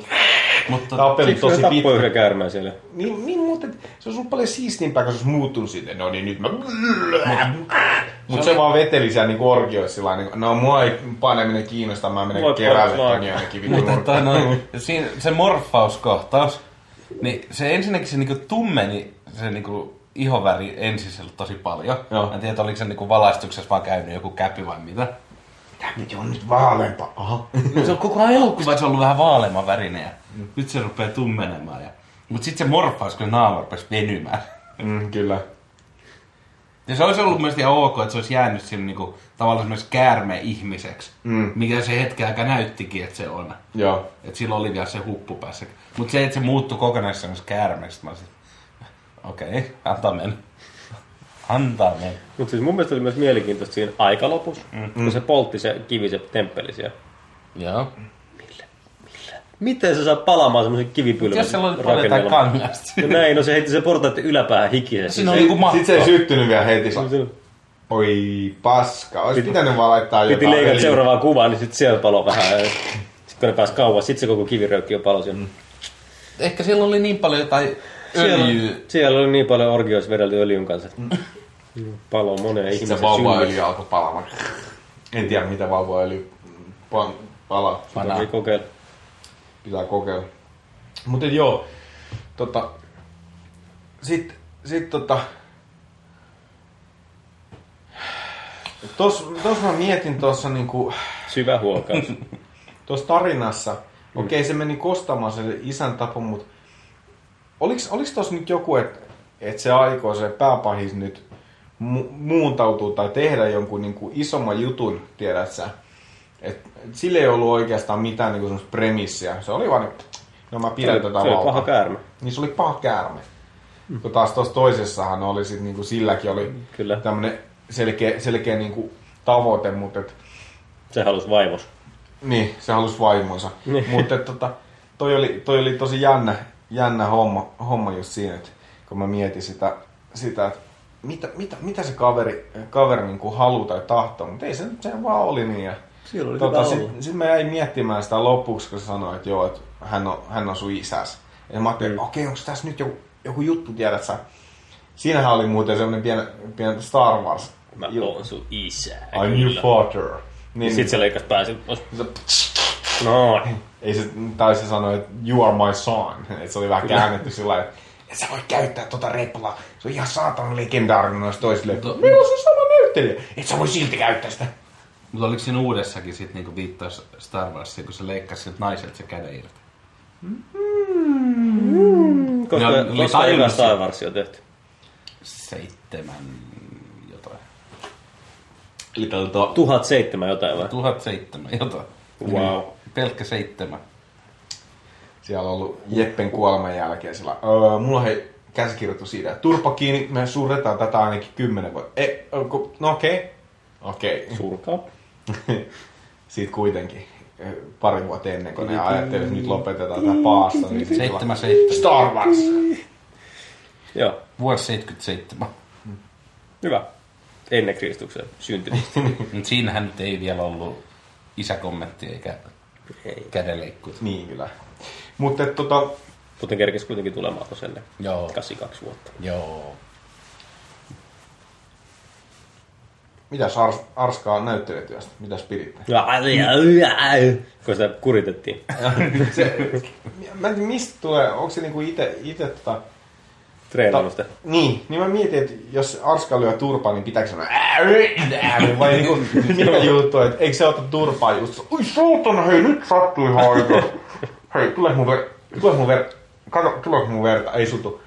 Ihan varmasti tulee, nyt tuntuu jotain märkää. on- Tuntuu silti, kun se, se muoviukko olisi tuntuu. tullut perseestä tulos. Niin, niin, Niin, ja noin. Mutta tota, vai mistä sä oot ottanut sillä, jos on näyttelijäkurssilla? Sillä lailla niin kuin, tiedät sä, semmoinen kivun ääni, se on vähän semmoinen mörinä. Ai jes! Sitten kirjoittanut ylös. Se on, se on se ainoa, ketä on, ketä on niin kusetettu siellä kurssilla, kun se on ollut ulkomailta. niin, niin. Ei kerro tulle, että oikeasti ihan tosi kuulosti. Kato, ei se tule koskaan saamaan sitä roolia siellä. Sit, se, ei perse! ei perse! Nyt se Oskareissa kiittää sellainen, niin kuin, että palkinto saanut. Thank you for my tutor. No, no, no, no, no, don't say it my name. Oi, ai. Tiesittekö tämän, että tässä elokuvassa tehtiin myös historiaa? Monessakin suhteessa muuta kuin tämä legendaarinen leffa, mutta siis tässä leffassa tehtiin semmoinen 55 metriä pitkä free fall pudotusnainen, naistuntti. teki 55 metriä pitkän pudotuksen. Ja no sen mä... Oliko Joka- se se kohta, kun... Joka ainakin 2011 vuoteen asti niin on ollut rikkomaton, eli varmaan edelleenkin. Se Se on on- uudessa se on- Onanissa 2011 niin, rikkomassa. kyllä. Se on tota, se just, kun se pyytää sen naisen hyppäämään sieltä kielekkeeltä. Okei, okay. Niin se, se on- ei näyttänyt 50. Se ei näyttänyt 55 metriä, mä katsoin sen vielä tämän faktan takia niin uudestaankin, että ei, tää kyllä näyt kauheasti yli Siis 10 se metriä. tipahtaa sinne, se oikeasti kuolee, ja sitten kaikki saa. No, kuka ei jos me tehdään tästäkin makkaraa? Makkara kun ne laulaa. Okei, okay. meillä on hei tätä makkaraa aivan törkeästi. että Kuinka paljon täytyy tappaa ihmisiä tai kameleita tai muita niin kuin eläviä? No, mutta kato tiedä. cateringissa nakkikeitto. Makkarasoppaa. Eri asia. Okei, kohta alkaa tulla perseestäkin tätä tavaraa. No, niin kuin, tätä on jo liikaa. Hei. Alska, älä laita sinne perseeseen sitä makkaraa. Mitään ei Arska laiteta perseeseen. Kun tämä mahtuu, joo. Vaikka se mahtuu. Se ei tarkoita, jos se mahtuu. Tai no, laita vaan. Mutta tot, Se on making of No jotain nyt mäkin hauskaa. kokeilen. No joo. Tästä tulee semmoinen olo, niin kuin tarvitsisi kakkantaa. Kakkatuppa. kakka menee väärään suuntaan. No niin. Nyt meillä on hyvä karokka. Olikohan muuten tämän Karronkan tota, valokuvia niitä, missä Arska, Arska polttaa pilveä ja kalja kädessä tota, jossain, koska semmoisia kuvia on, mikä silloin ennen kuin se kuvernööriksi tota, Just ennen. Just ennen. toi, toi, oltiin valitsemassa, niin sitten jotkuthan vaalikampanjassa tota, niin heitti niitä kuvia, mutta se ilmeisesti vaan puustasi sitä tota, nuorison, nuorison edessä olevaa. Jes, Jorska! niin, niin, noin se, vittu. Kaikki, kaikki tota, konservatiiviset oli ei perse, kun mä ajattelin, että olisi mennyt eris, mutta... Nyt ne nuoret. Se on vähän sama, sama muuten tämä asia, mikä, mikä mua on naurattanut, kun silloin kun Päivi Räsänen tota, oli siinä homoillassa, niin, niin tota, Päivi. jengi, jengi erosi kirkosta. Nyt kun, toi, nyt, nyt kun tavallaan kirkkoon periaatteessa ei liity eduskunnassa tämä, niin, niin konservatiiviset eroaa kirkossa. Hei, nyt come on. Siellä on varmaan oikeasti se kirkon markkinointipäällikkö. on se, Ei jumalauta, mitä mä uskallan sanoa. ihan sikan porukkaa nyt samaan aikaan, kun sitten vaan ero, uutisoitiin vaan niistä eroamisista, mutta sinne oli vissi liittynyt ihan hirveä kasa samaan aikaan. Hirveä läjä. Uusia tyyppejä. Mm. Eikö se Räsänen luvannut lähteä maasta tai jotain? Jos No ainakin sieltä eduskunnasta. Ai niin. Mä jo toivon, että se asuu maasta asti. No, sillä on Ruotsin laivaa vaan vilkutetaan. Meillä ei ole tämä hytti yhteisuutta. Sitten siellä on siellä painajainen kolme elokuvaa. Eikä mikään. siellä on Päivi siellä laivalla. Ai niin kuin painajainen. Niin, niin. Levoton neljä tehdään siellä. Päivi Räsänen edition. Kun Päivi ei tunnu miltä. Pä- Se on pakko laittaa saatana patonkiin Turkuhalliin. Sekin kiellettäisiin. Kyllä. Patonkin Turkuhallin laittaminen. Tiesittekö muuten, että Oliver Stone oli kirjoittaa tätä? No, en tiedä. En tiedä. Mm-hmm. Se oli toinen kirjoittajista. Okei. Okay. Ei mikään sellainen niin paskaleffa lähtökohtaisesti. Ei se se, että nyt ihan paskalle. Ei loppujen lopuksikaan myöskään, mutta niin mm. semmoisia isoja nimiä tässä oli tekijänä. Schwarzenegger on muutakin iso kuin pelkkä nimi. Koska se on Mm, mm, haus. pumpa. Niin. Ja pumpat, niin kuin sanoit. Mutta jos Suomessa tehtäisiin Schwarzenegger-elokuva, Ja ei Nimen perusteella siinä esiintyisi Ben Syskovits, koska se olisi yhtä vaikea saatana kirjoittaa julisteessa. Otetaan, miten tämä menee? Siinä on Z, Y ja sitten siinä on varmaan S jossain. Sitten siinä on to- kirjain. toi oli paljon hauskempi kuin mikä mulla on ollut. Sama Schwarzeneggerilla on ollut sillä jos se on vaan Arnold, ei mitään muuta. Niin Sillä lailla, sit just ennen, ennen ensi iltaa, niin kun joku on tuonut sen tekstin, on, ei tätä ei pysty oikeasti lausumaan. Tai maaduton valkokankalta. Ja sillä lailla, Joo, järkyttävää, nyt pakko muuttaa kuvasuhde takaisin. Se ei ole enää full frame, se on sellainen puh, siihen. No niin, nyt on. Ai nyt pitihän sen muuten roolinimikin laittaa. Oi saatana, laita ylle tai alle. Kaikilla muilla on tiedässä siis sivussa. En mä tiedä. Sun läpävuoro. Tämä mun vitsi nyt jää niin paljon jälkeen, mutta mm. tota, no, kyllä mä olisin silti ottaisin niinku... Vesamatti-loiria. Ei, kun mä ottaisin tähän päänäyttelijäksi musta barbaari. Niin, se on se valmiiksi. Mutta tää ei ollut lainkaan niin hauskaa kuin Ville Pilasta. Ei, Ville oli kertomalta paljon niin kuin Syskovits. Mutta ehkä ne tekee joskus pojan. Musta barbari Ben Zyskowicz. Musta Ben Zyskowicz. Ai mä ajattelin, että se ollut Syskovits Barbari. Nyt se sopisikin sitten vielä joku Conan Barbari, niin kuin Suomen versio. Huhhuh. Huhu. Hei, ootte tienneet, että tota, toi Joo. Musta Barbari oikein nimihan on James Nikander. Kyllä. Ja mä googletin yksi päivä Jani Nikander, niin sieltä tuli ainoastaan Musta Barbari kuviin. Onko ne suku kesken? On Joo, mä sama jätkä. Pitäisikö soittaa Janilla kysyä, että onko se... Silloin semmonen musta barbari. pori revityi laku. Ai, ai, ai. Entä jos, entä jos musta barbari näytteleekin Jani Nikander? Silloin vaan semmonen puku. niin kyllä. Se laittaa vähän täniä päälle ja sitten pienet himlati. Sitten se vetää tuolla.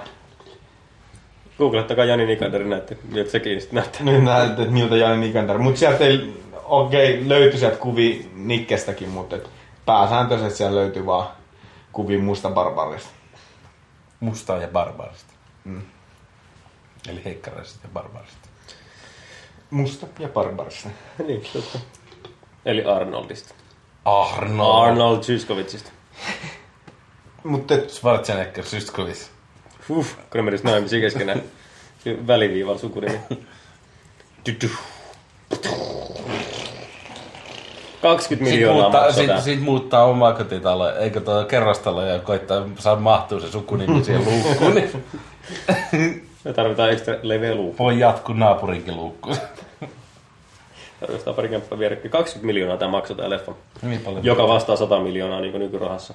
Eli ei paljon mitään. Eli tää oli oikeasti niin blockbuster rahoissa silloin, kun tätä niin tehtiin. kyllä. Että kyllä tätä niin kuin, ei ole tehty mitään B-leffaa silleen. Äh, jättää. Mutta kyllä tuossa huomasikin, siellä oli paljon niin kohtauksia, missä oli paljon niitä KKK-tyyppejä niissä valkoisissa kaavuissa seisoskelemassa. Mä luulen, että niistä ei ole ainutkaan niin CGI-tyyppi kuitenkaan. Mm. Että kyllä siellä on ollut iso joukko kohtauksia, vaikka niissä ihan kauheasti mitään actionia on ollut. Niin, Mutta joka tapauksessa siellä on tönöttänyt paljon paljon ihmisiä. Joo, tää, tää tota, mä mietin, että mikä siellä näyttää olevan ikäraja, onko sulla IMDB auki? Petterillä on IMDb Koska mä olen miettimään tätä, että mikä, mikä tämän ikäraja on ollut, tai no okei, silloin on ollut paljon tiukempi ikärajoitus. Ja tää on varmaan napsahtanut K18, mutta mä olen miettimään, mikäköhän on uuden 2011 ollut. Aika samanlaiset elementit on ollut, paljon väkivaltaa, öö, parit tissit siellä sun täällä, Eli tissipari. tissipari. Sillä lailla saa K11, jos on vain yksi tissi, saa nätistä asetella. K16. Okei. Okei. Ainakin IMDB mukaan. Alright, alright. No, No, ne tissit. oliko se 2011 versio? Mikä siinä oli? Olemme livenä internetissä. What? Siis niinku, K15. oli Okei. Okei. Aika jännä juttu. Aika jännä juttu. Eli 15. Mutta Teistä. olis sun mitään noppitietoa vielä? Petterillä tuo IMDB tuossa on. Ei, mulla se mun knoppitieto loppuu aika lailla niin pitkälti tähän, Joo. tähän tämän suhteen. Mitäs tota... Mulle se on yksi hauska juttu. Joo. Että tota, tämä ei kyllä pidä paikkaas, mutta se tyyppi, se ensimmäinen, ketä vastaan se otti sitä matsia, siellä, kun se oli sieltä pyöritysjutusta vapautettu, Joo. niin se näytti ihan Morgan Freemanilta, vaikka siinä nyt olikin se kypärä päässä. Markus Freeman on kypärä päässä. Mm, mutta se ei ollut Morgan Freeman. Mutta se vaan näytti vähän sieltä. Hei, tosta Morgan Freemanista oli hauska mieleen. Ää, Voisi tarkistaa, oliko 2011 versiossa Morgan Freeman kertojaäänenä? Koska tää, mun on pakko tarkistaa, mikä tämän... Tässä eka se ei ainakaan ollut. Ei, koska se oli tää pahis, ketä tässä puhuu. Hmm. Niin, niin tota... Sitä pakko nyt ottaa se nimi tota, esille tuolta, että mä en lausu sitä jotain 15 kertaa perän jälkeen niin kuin pisi helvettiin. Tässä uudessa on ollut tota, narraattorin Morgan Freeman. Joo, koska tää on ollut tosi pitkä, pitkään tää Eli kertoja. kertojan rooleja tehnyt tää... Mistä mä löydän sen nime? Miksi mä menin Wikipediaan? Uh, mm, eh. Ah, tuolla. Niin, niin. Pieni hetki kuulijat. One moment. Tämä on teille. Niin, James Earl, Earl Jones niin, niin, tota, teki paljon, paljon tota, sen karismaattisen äänensä takia noita kertoja keikkoja. Sillä on ihan kauhea lista täällä Wikipediassa erilaisia elokuvia. Onko siinä missä enemmän on niinku- elokuvia siellä kuin Ron Jeremy? Mutta tota, En, ei varmaan, ei varmaan tota, mut, mi- sä sanoit, että James on tämä kertoja tässä elokuvassa. eikö se ole? No ei oo. Oho, Tässä on kertojan Mako, joka esitti myös The Wizardia. Ahaa, mä olin kuvittelevani, että se on koko ajan James Earl Jones. Okei, no sitten mun teoria Mako, menee... Mako, Mako myös tota, oli äh, Destroyeris, eli hävittäjässä. Okei, Formula. koska tämä mun teoria siitä, että et, No, kertoo siltusteoriaa.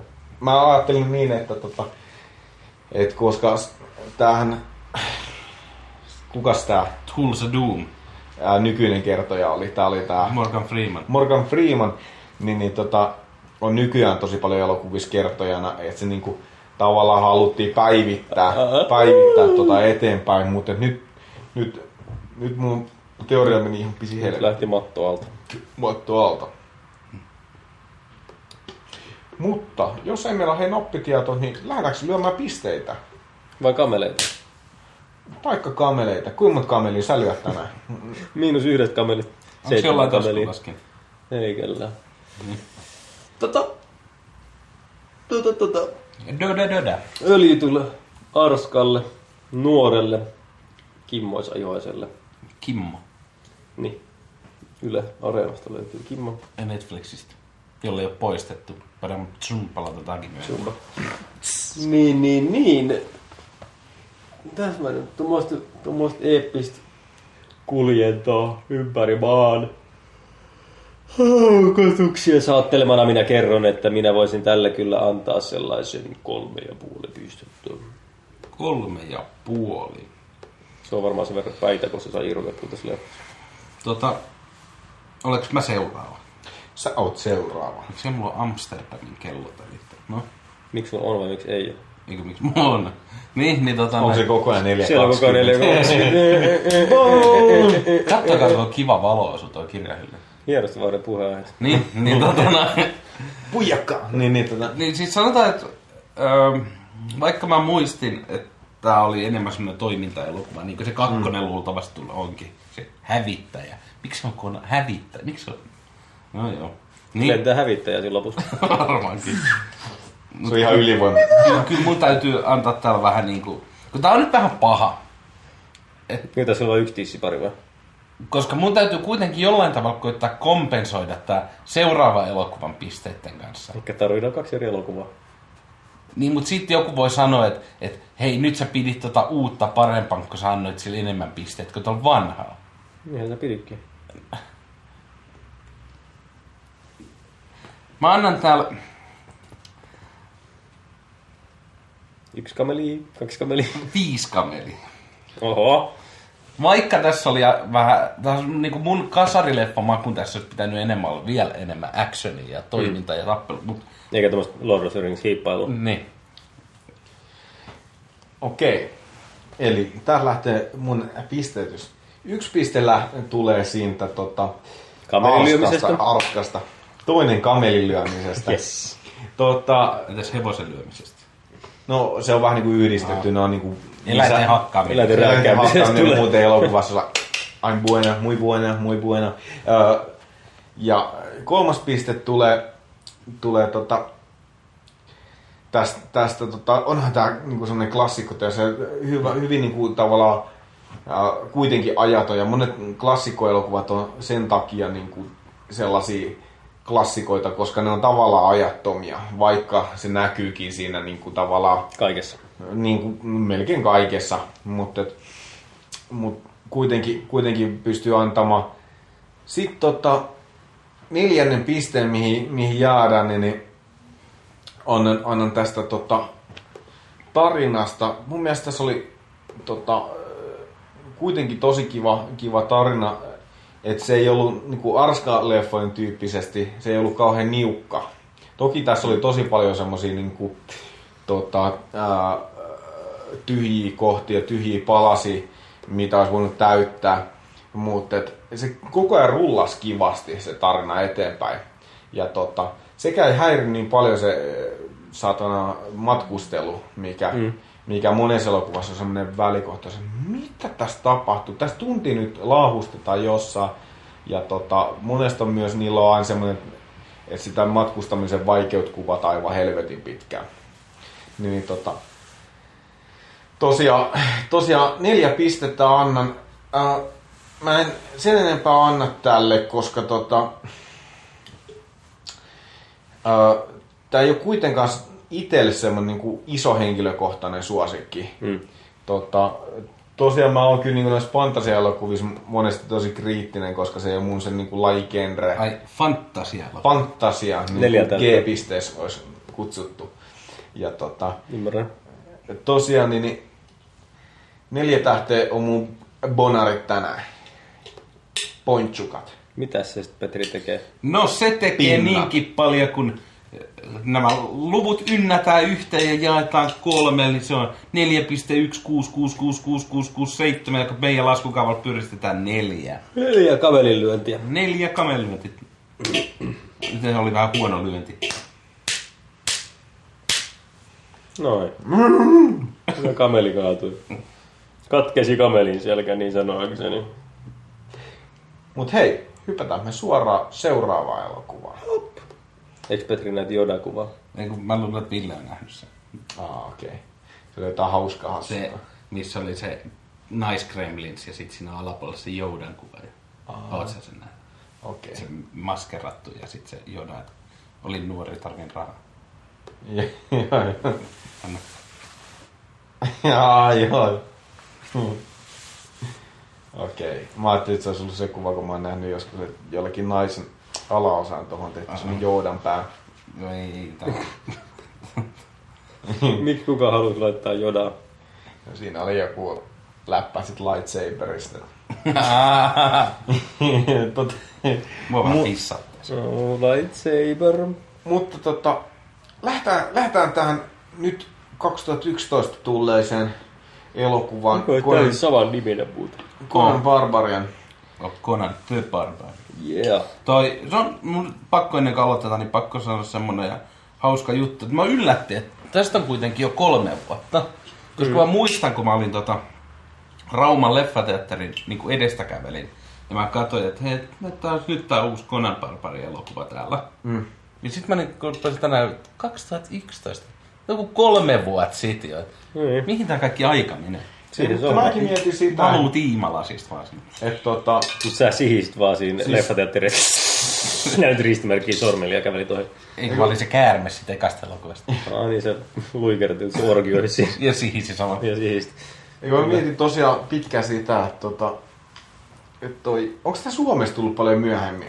Koska tota, silloin kun se tuli, niin, niin mä Ei olin, en ikinä, en ikinä katsomaan. Tämä on niin, niin ripoffi tää homma, että en tuu ikinä katsomaan ennen kuin Petri pakotti. Mutta mm. niin kuin, toi, kuitenkin mieti, mieti silloin kun se tuli ja sitten mä olen niin kuin päässäni käynyt tämän keskustelun tota, mielestäni niin kuin vastikää, niin että kyllä se vuodet vaan menee nopeasti. Tää on tullut Suomen ensi-iltaan 26. elokuuta 2011. Okei. Okay. Jenkeistä tullut 19. elokuuta, eli muutama päivä myöhemmin. Okei. Okay. Viikko. Okei. Okay. No, 2011 niin se aika menee nopeasti. Tää budjetti on ollut menee. 90 miltsiä. Eli Me ollaan periaatteessa niin kato- pienempi budjetti, 10 miltsiä. Voittohumus, kato silloinhan 95. 2011, niin siellä ollaan oltu voittohumus pari vuotta. Se olisi vai vieläkin niin kuin räyhätä, miten Niin. M- Mikke teki hienot ilmaveivit ja Vieläkin tiedetään. Mutta joo, tosiaan tota, elokuvasta, niin tässä oli erilainen tarina, tarinan lähtökohta kuin tota, tuossa aikaisemmassa elokuvassa. Ja nyt jos kuulette kahina, niin Petri koittaa kissamaisen elkein täällä nyt suunnata kohti vessaa hiekkalaatikolle. Ja tota, sitten kaapii Mutta tosiaan sitä, sitä, sitä oli sanomassa, että tässä oli erilainen lähtökohta kuin tuossa aikaisemmassa, niin, niin saa Konan tappaa isänsä? Tässähän Conan tappaa isänsä. Joo, kyllä Periaatteessa. käydään vielä läpi, että vanhassahan oli niin, niin, että tota, nämä, nämä tota, pahikset tappaa sen äidin sekä isän ja tota, sen jälkeen, sen jälkeen tota, tämä myydään, myydään orjaksi, orjaksi, tai on niillä orjana monta kymmentä vuotta, jonka jälkeen tota, se vapautuu. Karkasko muuten Konani vai vapautettu se? Se karkas. Niin se karkas, joo. Niin, tota, tää, siinä, siinä vanhassa se karkaa, karkaa ja aloittaa sitten tota, tämän oman vaeltamisen sen jälkeen. Mutta tässä, tässä elokuvassa taas tapahtuu niin, että vanhassa jossain äh, taistelussa, niin sodan keskellä tota, sen äiti puukotetaan, Konanin äiti puukotetaan vatsaan, missä, missä tota, sillä, hetkellä, sillä hetkellä lymyilee sikiönä, tai ei enää sikiönä, vaan mikä se silloin on. Siitin. Se on siitin. Juuri ennen syntymää lapset ovat siittimen muotoisin. Ne vaan, ja ulkopuolinen happi ja ilma osuessaan muuttaa se ulkomuodon. Kyllä. Nyt tämmöinen nopea biologian tunti. Niin, niin tota, keskellä sotatannerta, niin tämä isä sitten leikkaa, leikkaa tämän mahan kokonaan auki ja tämä äiti kuolee siinä. Tämä on niinku tämmöinen keisarileikkaus, keisarileikkaus, mikä toteutetaan siinä. Ja äiti ehtii nimeämään justiinsa, justiinsa tämän Konanin Konaniksi. Mä nyt haluaisin tämmönen välijutun. Mua, mua vähän, niin kun, kun se oli kuitenkin aika brutaali, leikattiin vähän vattaa auki ja tolle. Mm. Mutta sitten niin se napanuoran leikkaminen jätettiin pois. Se on ihan mieti, kun brutaali se olisi. No, kun siis ensin se on siinä, ensin se on siinä, ja sitten isä nostaa sellainen kuin simpanssin ylös. ja Tadaa!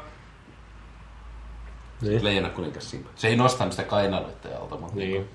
Niin, niin siis olisi vähän mun mielestä olisi voinut roikkua se napanuora siinä. Jos ei sillä ollut koskaan napaa. Oli se, oli siinä, Oli, kun se, se sy- synnytti, niin siitä tuli se napanuora. Niin. Niin, sitten se puuttuu siitä toisesta kuvasta kokonaan. Niin. Niin se leikkasi nopeasti, sit, kun kuva vaihtui. Ja Se, se Tadaa! oli semmoinen, Mutta mikä pisti silloin. tosiaan- Onko se vaikea, kun se napa pitää solmia? Tosiaan niin, niin sit nuorena, näin? nuorena tota, tää se Konani, Konani tässä uudessa versiossa näyttää, näyttää jo hurjia taitojaan ja on tota, nuorempana poikana muita kylän kavereita, Kovempi niin- äijä. kovempi äijä. Ja tota, sitten tänne tulee nämä pahikset. Ne on etsimässä tällaista tota, maskia, maskia, maskin palasia, mikä on niinku barbarit. Barbarit on tota, aikoina rikkonut näitä superpahiksilta, pääpahiksilta ja mm. sillä saa sitten erikoistaitoja plus että pystyy Vähän expaa. niin, saa expaa enemmän plus että, ja manaa ja tota, Mana varsinkin. niin, niin. Ja sillä saa tota, herätettyä henkiä tämän superpahiksen, pääpahiksen tota, toi vaimon, mikä on ollut tosi rakas, rakas tälle tota, Ja noita. noita. Nakas, nakas noita. Rakas, rakas noita, vaimoni on noita elokuva, niin, niin, Siskoni ja noita jatkoosa. niin kyllä. Spin-off. Se on eka, Lego-vaimoni on noita. eka, eka se oli niinku sillä lailla, että tota, Barely Legal Witch, sen jälkeen se oli niinku Milf Witch tota, elokuvi. Okei, okay, mutta et Ja sen kuitenkin, jälkeen se on Milf Watch. niin, niin, Mikä on taas niinku vastaava kuin tää... Mikä tää on? Tää leffa. No ihan sama. okei, okay, mä lu- Meni jo. okei, okay, okei. Mutta kuitenkin Neighbor Joo. Watch. Neighbor Watch, Yes. joo. Niin, niin nyt, nyt sitten tota, uh, ne löytää, on löytänyt muut palaset nää siitä maskista, tämmöisestä naamiosta. Mutta sitten yksi palanen, mi, mis, mikä on näillä barbareilla, mitkä on tuolla äh, Konanin kylässä, niin ne, ne tulee ja etsii se ja löytääkin. Ja tota, siinä jätetään, jätetään niinku, tämä isä kuolema semmoinen, että siinä on, mitä, siinä on sulaa, sulaa metallia on tällaisessa Kyllä. saavissa ja tota, tota, Konani koittaa pidellä sen isä, isä siinä, mutta sen kädet, kädet jo palaa siinä, tota, kun se ketju on niin kuuma, kuuma ja sitten se isä uhrautuu ja vetää ne metallit päällensä, päällensä siinä ja kuolee siihen ja sitä tämä Konani lähtee sitten tota, lähtee kostamaan. Ja tämä on vähän erilainen lähtökohta, mitä siinä aikaisemmassa, että tota, en tiedä millaisessa näissä novelleissa, novelleissa on ollut toi tarina. Että Mä oon on... munasta. Syntynyt munasta kuoriutuneena. niin, Ruvennut heti se tappelemaan. on erilainen nyt sellainen, niin kuin, okei, te ette kumpikaan niin kuin, luitte edes tätä kirjaa. öö, öö, kyllä mä sen luin. Öö, ai sä luit sen kan, tota, takakanne? Joo, kyllä mä paljon muutakin luin, sen niin kuin etukannenkin. Okei. Niin, niin, tota, Hyvä. Se itse asiassa on The Watch, se Neighborhood Watch, mitä mä meinasin. Okei. Joo. Alright. Hyvä. Mutta tosiaan tämmönen, tämmöistä alkukohdista lähtee. Toi, mun mielestä jotenkin tässä oli mielenkiintoisempi lähtökohta, mitä tossa. Tai en mä tiedä. Kumpi teidän miel, kumpa niin kuin tavallaan startti oli teidän mielestä? Kyllä Kivempi. kyllä mä dikkasin tästä tämän uudemman startista. Joo, ehkä tota se oli vähän pitkä. Mut siis pitkästi kerrottu, sen olisi voinut vähän tiivistää sitä lapsuusaikaa siinä, mutta kyllä tämä niinku muuten oli parempi. Mm, niin joo. Niin kuin sillä ihan elokuvallisesti voinut vähän typistää sitä alkua. Mutta se on nyt mi- makuasia. Se on makuasia. Musta ei tuntunut sit taas liian pitkältä se alku. Musta se oli niinku Ehkä mä vaan odotin, että mä pääsen näkemään tappamista. Jason Momoa ilman paitaa. Niin, no, joo, totta. Se lapsi ei ollut lainkaan sama asia. Ei Ei todellakaan. oo. Mutta tota, tosiaan sitten, sitten lähtee vähän niin kuin rullaamaan siihen suuntaan, mutta tässä, tässä niin kuin mä puhuin tuosta, että tuolla ää, 82 pääpahiksella ei ollut mitään semmoista omaa tavoitetta, niin tässä oli selkeä tavoite sillä. Se on ollut jumalaksi. Se halusi jumalaksi ja sen tota, vielä viimeinen askel oli, kun se oli saanut naamion, naamion täyteen, niin löytää puhdasverinen joku jälkeläinen, Joo. Joo, mä luulin aluksi, että se on joku, niin kuin tiedät, se puhdasverinen neitsyt, mutta että, että se olisi mennyt vituiksi siinä vaiheessa, kun Niin niin olisi pikkasen lykkäs sitä. Niin, Niin, ja ne olisi voinut hommat se mistä vai se olisi tarvinnut olla se yksi aina. mm, niin, niin, kyllä. Liian helppoa on etsiä joka puolella. Ja niin, niin. Paitsi silloin, niin miten täältä ei yhtään löydy? Onko kaikkien pakko olla näin Tervetuloa tulppuja? Villellä korporaation toimistoon. Meillä on, meillä on, nää- Puu! meillä on nää käärmeorgiat täällä kato muotiin. Häh? En mä sitä tarkoittanut. Mä tarkoitan. No, joo. Vähän niinku neitsyt hakemaan sieltä. Niin, sitä. Oi vitsi, mä olin niin syvällä omassa vitsissä, niin että niinku, mä en meinannut päästä lainkaan. Ai ai ai, olipa se hienosti sanottu. No, kyllä. Mutta tota, toi, toi... Pääsen näitä enää liikenteeseen. Se jäi, se jäi siihen. Mutta tosiaan, mä pelkäsin, että tässä ei ole tissejä tässä elokuvassa. Sä pelkäsit sitä. Mä pelkäsin niin kuin todellakin, tässä kun tosi monessa tommosessa ää, uudelleen filmatisoinnissa, niin, Unohdetaan tissit täysin. niin unohdetaan tissit täysin. Ei vaan siinä on just se, että tota, joitain elementtejä, mitkä niin kuin aikoinaan, Niin kuin tissit. joskus ka, niin kuin tissit, joskus 80-luvulla on ollut sellainen, niin kuin, että niitä on saanut roikkua ihan missä vaan. Se vaan kuuluu siihen genreen. Niin, tai sillä Tai niinku action genre ylipäänsä. Nykyään, nykyään niin saa väkivaltaa kuin paljon haluaa. Kyllä. Ja kuin veristä vaan. Kyllä. Mutta sitten sieltä tulee yksi laikka, niin sitten okei, okay, Tämä sä- elokuva ei tule ikinä näkemään kukaan. Mutta tarkoititko sä, että kun sä sanoit, että ennen vanhaa sai tissit roikkuu miten vaan, mm. että nykyään on niinku paljon terhakammat. että ne- Joo. Joo.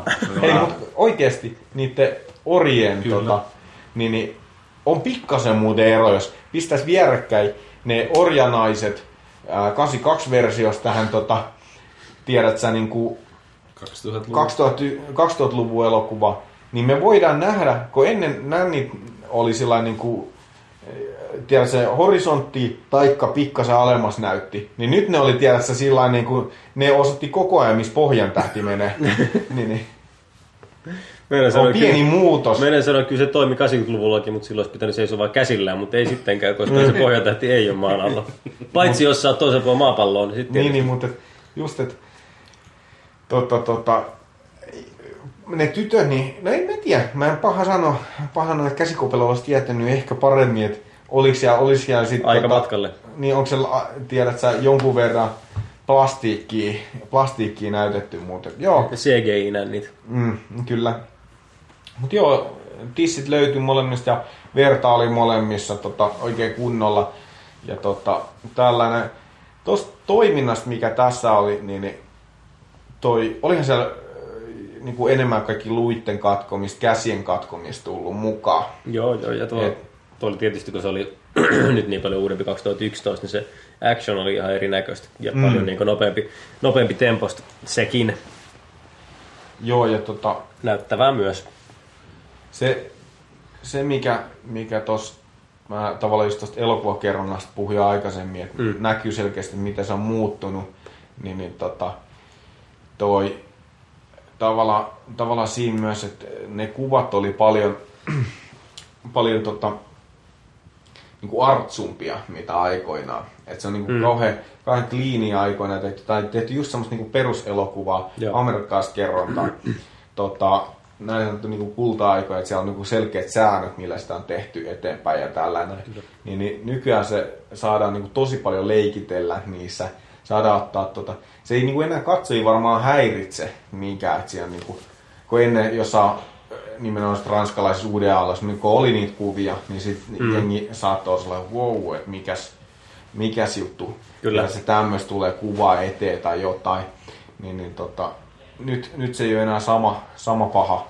Mutta tota, tota, mitä mä, kun siellä oli tosi paljon lähikuvia, niin sen, kun mä katsoin Conan, niin 82 versio ja hyppäsin suoraan siihen 2011 leffaan, mm. niin mä huomasin niissä kuvissa niin sen, että miten, miten niin kuin, tota, paljon lähikuvia on ja kuin tiiviitä ne on. Et, tota, se on jännä, jännä kun tota, jossain vaiheessa oli tavallaan elokuvakerronnassa käytettiin tosi paljon tosi tiiviitä ja ne saattoi mennä sellaisiksi niin kuin tällaisiksi. Tällaiset Kaikki näkee, Korvan kaikki kautta. näkee. Eli mä nyt on tästä hu- alahuulen tota, reunasta tuohon niin kulmakarvoihin olevia tota, tosi tiiviitä kuvia, mi- missä niin kuin paljon taustalla, mutta kun ajettiin vaan, niin kuin, että niissä on paljon sit, niin kuin tiedä se sitä, Siellä sitä on se tunnelmaa, tunne. tunnetta. Niin, niin tämä oli jännä, jännä just, että toi Sitähän se jossain vaiheessa alettiin taas mennä vähän laajempi kuvi, että se miljoot ja muut kertoisi. Että siinä oli jossain vaiheessa että mentiin tosi tiiviillä. Mm. Mutta jännä, jännä juttu kuitenkin, että kun ne elää paljon tiiviimmissä kuvissa, mutta se silti niin kuin pystyt, se, se miljoiminen siellä taustalla, niin tavallaan niin kuin jännä, että ennen, ennen se on niin kuin haluttu myös niin kuin näyttää se miljöitä enemmän. Että, Kyllä. Mitä ne lavasta ei tosiaan tehnyt? niin, mitä ne lavasta. Nyt, nyt ei ole väliä, siellä on vaan ollut oikeasti sinistä, eikö vihreä tai sinistä kangasta. Kyllä. Aivan helvet. Mutta tota, tota mä just mietin, mietin noissa, että et, tota, onko se niinku ihmisen illuusio, että sen ei täydy niinku nähdä s- sitä ympäristöä vai halutaanko sitä jotenkin peittää, että onko se niinku muuttunut ihmisten katselmuksessa jotenkin, että et, Se voi olla, että ihmiset hakee niin nykyään enemmän, että ne pääsee lähemmäs sitä tunnetta. Niin, myös. kyllä. Et ennen elokuvat ollut sillä niin voisi sanoa, että enemmän kuvannollisia teoksia, Mm. Kerronnallisia, niin sillä kertomuksia, mutta nyt niin halutaan tuntea se, mitä se mm. henkilö tuntee, niin sitten mennään niin lähelle, että nähdään sen nenäkarvatkin jo kaksimetrisen siellä kankaalla. Mm. Mutta niinku, elokuvana 2011 oli niinku tosi hyvänäköinen kanssa.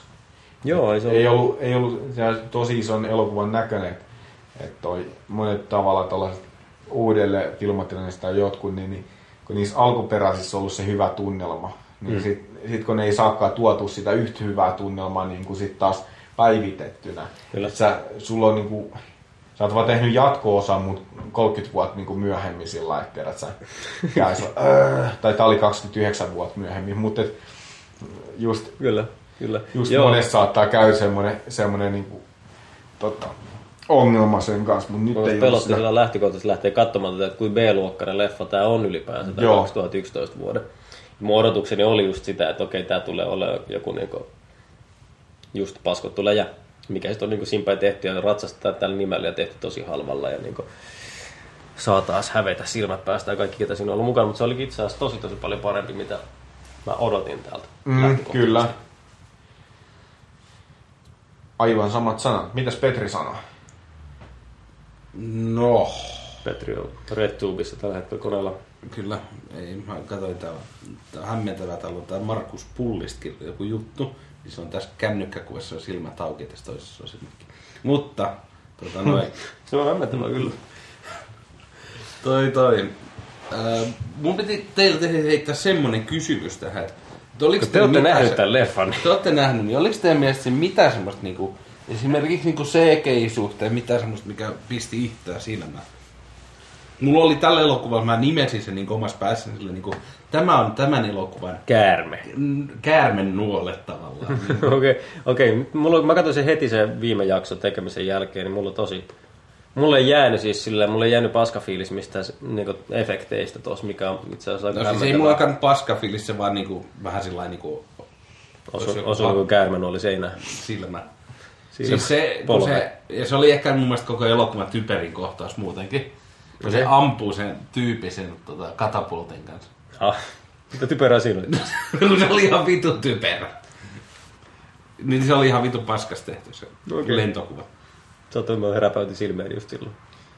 Kyllä mä siis muistan kyseisen kohtauksen. Joo, joo, ei, joo. No joo, no ei, joo. Minä Heikkarana nyt tiedän mä anteeksi siinä kohtaa. Mä annan anteeksi. Mä olin hyvin vihainen. Katapultti! Väärinkäytetty. Huonosti tehty. Ei, mutta siis, mitä nyt hirveästi on lisät tohon, niin mitä jos mä tiivistäisin, niin mä sanoisin, että mainetta on parempi. Vittu tää loppu just takku. Ei se mitään, meillä on tuo backup sen takia tuolla. Se mitä olin tuossa sanomassa, mä en tiedä, että oliko tässä jotain teknistä ongelmaa, vai eikö tässä ollut mitään teknistä ongelmaa, mutta se mitä mä olin sanomassa katapulttijutun jälkeen oli se, että on mun mielestä niin mainettaan parempi elokuva. Hmm, sen, siihen me jäätiinkin. Kyllä. Kyllä. Koska tota, esimerkiksi niin IMDBstä on saanut joku 5,2 kautta 10. Mm. Okei, okay, se on aika cruel. Niin ja mun mielestä on saanut kaikin puolin aika paskoja arvosteluita. En kyllä yhtään lukenut, mutta tämä oli mun mielikuva. Lukematta mielikuva. Lukematta. siis mulla oli semmoinen käsitys, että tämä on niinku ollut tosi vihattu elokuva jostain. se- Niinku, mutta niinku helposti nyt käy, että sä teet jonkun elokuvan 30 vuotta uudestaan, niin Mm. Evil Deadin tai jonkun muun. Ja sitten kun siinä on pakko niinku pistää niitä niinku viittauksia niihin vanhoihin, että hakataan hevosia turpaan tai... Tässä on löyty kameli. No kameli ei varmaan lyöty, mutta tota, hevos... Onko siinä tullut joku juttu, jos siinä on siinä Destroyerissa tota, läppäilty siitä jutusta, niin onko siinä tullut aikoina joku juttu, että hei, että siellä löytyy kameli, että Niin. tiedät, sit sitä on vähän koettu pehmentää sillä lailla.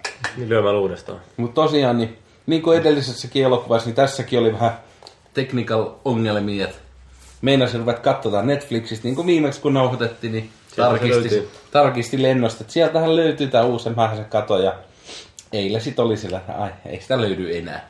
Kiitti Netflix. Poistatte kaikki kivät. Ette niin kuin montaa viikkoa malta pitää niitä leffoja siellä. Ne vei meiltä seikkailija Dora. Ne Ne on nyt vienyt ne meiltä- vei meiltä Conan ne, Barbari ja ne, on vienyt, 2011. ne on vienyt Pi-elokuvan siellä meiltä. Ne Ai, kaikki. ai, kaikki menee ja viedään ja mikään ei ole enää lopullista. Haaveet kaatuu. Sormusten herrat on vaan niin joulusi siellä. Ja, No jouluelokuvia. Miksei Die Hard tosiaan joulusi? no niin. Mut siis ei, mä en tiedä oikein mitä mä nyt tästä sanoisin. Niin kuin Einari se sanoi, niin tää, mä en odottanut oikein mitään, koska mun mielikuva oli se, että on ihan lytätty paska-elokuva. Ja se yllätti ihan positiivisesti. Mitäs tota noista näyttelyistä? Aa, se nainen. Oi vittu, mä vitutti se otsa, mikä sillä oli. Silloin Niin, niin, sä puhut otsaa. Pää, pääpahiksen tota, tyttärestä. Tyttärestä. Joo, silloin oli aika samanlainen luukki kuin Dome Karukoski. Meidän se just tuli ihan tää sama, että olikohan se tytär. Niin. Mut siis ei se muuten se hahmo mua vituttanut, mut se, Et sillä oli se otsaa. tukka oli semmonen vitu. Joo, ja sitten se näytti vähän jossain kuvissa siltä. Et siinä on semmoista liimapintaa siinä rajassa. Niin. Niin, että se näytti, tiedätkö, sit, kun se heilahti vähän, niin että sulla on hiukset ollut siellä alle, että sitä ei ole ajeltu oikeasti niin kuin vaan kaljuksiin, tai, vaan että siinä on nimenomaan semmoinen niin kuin uimalakki, tiedät sä päässä. Toi. Tarkoitatko se niinku kondomi? Niin. Joo. Yritit Joku sanoa vaan nätisti. Niin, koska kondomihan on niinku, Aika ruma sana. oh, et, tota, katolisessa kirkossa niin Älkää puhuko tommosia, kun meidän äiti voi kuunnella. Okei. Katolisesta kirkosta ei saa puhua. Niin, niin. Nyt Ville. Div it down. Mä voin vaikka jatkaa tästä silleen, että se jäbä Jason momma teki 90 prosenttia tunteista itse tuossa leffassa. Niin se sanoi. Ah joo, okei. Okay. Ja se sanoi sitä, että hän halusi myös, että, niinku, että, ei, että ei se voi niinku tuommoista leffaa kun lähtee tekemään, niin voi olla muuta kuin itse Conan, ketä ne tekee. Että sen pitää päästä siihen rooliin ja päästä siihen hahmoon niin, että se pystyy olemaan fyysisesti Conan. Ja tästä mä pääsinkin hyvin asioita tähän mun toiseen, toiseen knoppiin niin täältä, että se oli kuusi viikkoa se oli treenannut ennen tätä leffatekoa. Se oli treenannut parkouria, taistelulajeja, miekakäyttöä ja oikea kaatumista. Ja sit kaksi tuntia joka päivä punttisalen. Kuusi viikkoa sitten se oli tuommoista ihmistä. Okei, se oli lähtökohta, oli jostain, niin kuin tiedät, semmoista Se oli naru, varmaan- naru käsit. sit Se oli semmoinen niin- machinisti, se oli tuo... Nyt tuut ja sit se alkaa vaan taas. Mut joo, kuusi viikkoa, kuusi tuntia päivässä, niin joka jäbä voi näyttää samalta. Mutta ei se yhtiin ollut karska. No ei For ole. Mut Silloin oli vaan kuusi, silloin oli vaan niinku kuusi viikkoa aikaa. Niinku Arskaa Näin vetää jo niin koko joku elämässä. 50 ja vuotta. jo niinku.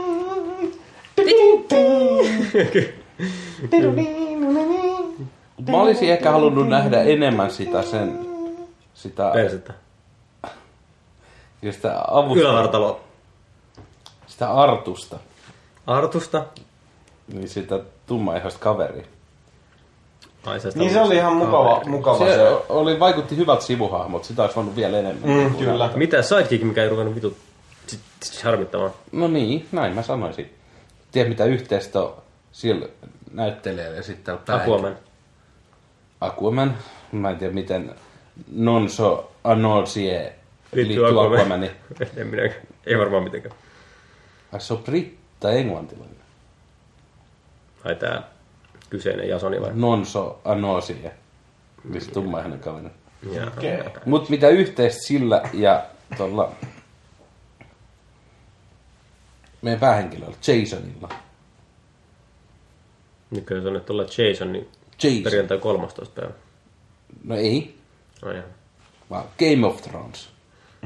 Ai jaha. Molemmat näyttelee Game of Thrones siis. Onko molemmat tapettu siinä? Ei mun mielestä. Jaha. Aika tommonen... Mun piti vähän miettiä, mutta en, en, nyt En en, vähän miettiä, mitä sanoit, että Game of Thrones fanit tuu niinku... Ja- ei, to, ei tossa... Murtaudutaan asuntoon. että kun, mä oon kattonut vain joka kauden vain yhden kerran. Mä en voi muistaa ihan jokaista juonen käänne, mitä se Joo, joo, joo, joo. Mut hei, tosta tuli mieleen sen tyttärestä, niin, niin tota... Mm. Se äiti oli ihan saman näköinen kuin se näytti. Niin olikin, ja sehän koitti pian semmoista niinku insesti hommaa Ei faijaa, mitä sä vaan laittaisit mua, unohtaisit se mun äitskään. Sehän alkoi nuolle kato niistä sormia siinä ja se alkoi, mitä olisi pian... Siinä oli vähän semmonen niinku isätytör, tiedät sä, niinku tosi paha syndrooma siinä, että tota... Vähän, vähän. Et toi Se oli muutenkin vähän noitukku se nainen. Joo. Sen olisi, olisi pitänyt tulla arskaa heittää sen nuotioon. Niin olisikin. Onkohan siinä käynyt muuten tossa, siinä, eh, tossa, tossa ää, 82 elokuvassa, niin, niin se kohta jostain novelleista on otettu siihen, että se nussii sitä ja heittää sen tulee, mitä tässä sitten on ollut. Like, öö, jaa. Me voidaan paljon tehdä kaikkea, mutta No, siitä se nyt voi. Kyllä, joo. Mietitäs vielä hetki sitä. Jos tota, mennään kahvitauolle.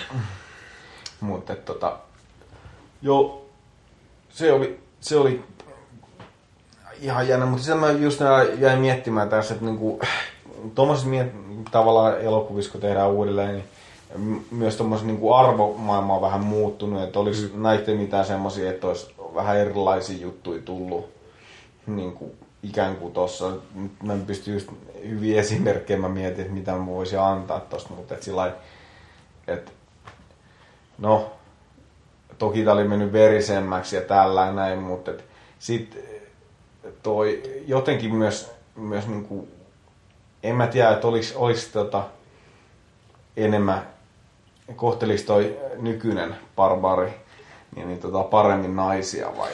Mä rupesin miettimään, että oliko tossa niinku seksikohtauksia. Oli ainakin se kyhnytti sitä siinä, puhdas kun se lähti sen laivalta yksin ja sitten tää, just tää tummainen kaveri, että hei, sun pitää viettää karttaa sinne. Mutta se olikin oikeesti Siinä semmonen, sit se kääri se niinku kiklun päällä, se ei ollutkaan kartta, vaan se oli semmonen nahkainen rätti, minkä kanssa se pani, eikä, eikä lainkaan tehnyt kuivaa eikä tiukkaa. Joo, joo, se oli semmoinen rätti. Se on noppitieto. IMDBssä löydetty. Joo, joo. Okei, eli sekään ei nyt ollut semmoinen, mikä olisi muuttunut. Niin. Et, ja, ja tällainen, että Toki, että tässä versiossa ei se pannu ketään häkissä, niin, niin tota, mikä, niin kuin, Vähän- Mutta tässä tässä oli häkki, mies ja lonkeroita. Mm, kyllä, Hyvin tämmönen japanilainen viittaus mun mielestä. mm, kyllä. Se on tuo itä, itäpuolella heti saatu enemmän bonareita. Joo, Jees, joo. jees, jees, jees, jees, jees. Jees, jees, jees, jees. Ja Suomessa on, että jes, ne, ne juo lonkeroa. Yes, yes, yes, yes. Lonkero mainittu tuo torilla tavalla.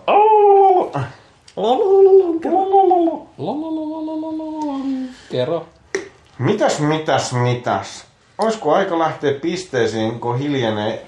Hiljenee suut. Mä kysyn teiltä vielä tämmöisen kysymyksen. Tää Jason Momo. Momoa on kirjoittanut yhden pitkän leffan. Onko? Oh. Se kirjoitti se aika lailla ton Konanin aikoihin.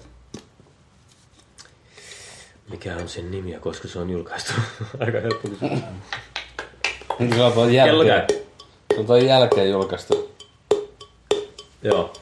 Se on myös näytellyt Stargate Atlantiksessa. Ei, ei. Road to Paloma. Tota, 2014 Ihan never heard. on Never Heard. Aika pieni, olisiko siinä on neljä miljoonaa budjetti, mutta kuitenkin 91 minsaa se tuota, noihin aikoihin, no oliko se noihin aikoihin kirjoittanut se, mutta siis niin ne teki siitä, sillä on tuotantoyhtiö, missä on hän ja joku, joku muu, ja ne oli siitä sitten tehnyt tämmöisen trailerin ja käsikirjoituksen lähettänyt yhtä matkaa menemään tuotantoyhtiöihin ja se nappasi kiinni. Ja sen se on nyt sitten saanut tehtyä Okei. Okay. myös tänä vuonna siis tullut ulos. Mulla itse asiassa ole tästä koska se missä. Mulla olisi Momoasta hauska n- knippeli knappeli tieto, mutta Ai, että se esittää Aquamanin 2018 julkaistavassa Aquaman elokuvassa. Oliko samanlainen? Tehdään ilmeistä päätellen. ei ollut sama. päätelin, mä olin heittänyt tarpeeksi, mutta kertaa se Aquaman. Mut Jutu. marraskuussa 2008 Jaha. Momoa joutui Losis yhdellä klubilla tota, sanaharkkaa. Aha. Ja se sanaharkka tiimellyksessä sitä iskettiin stopel naamaa. Eli tuo olut Eli lasi- Stobel Face. Niin.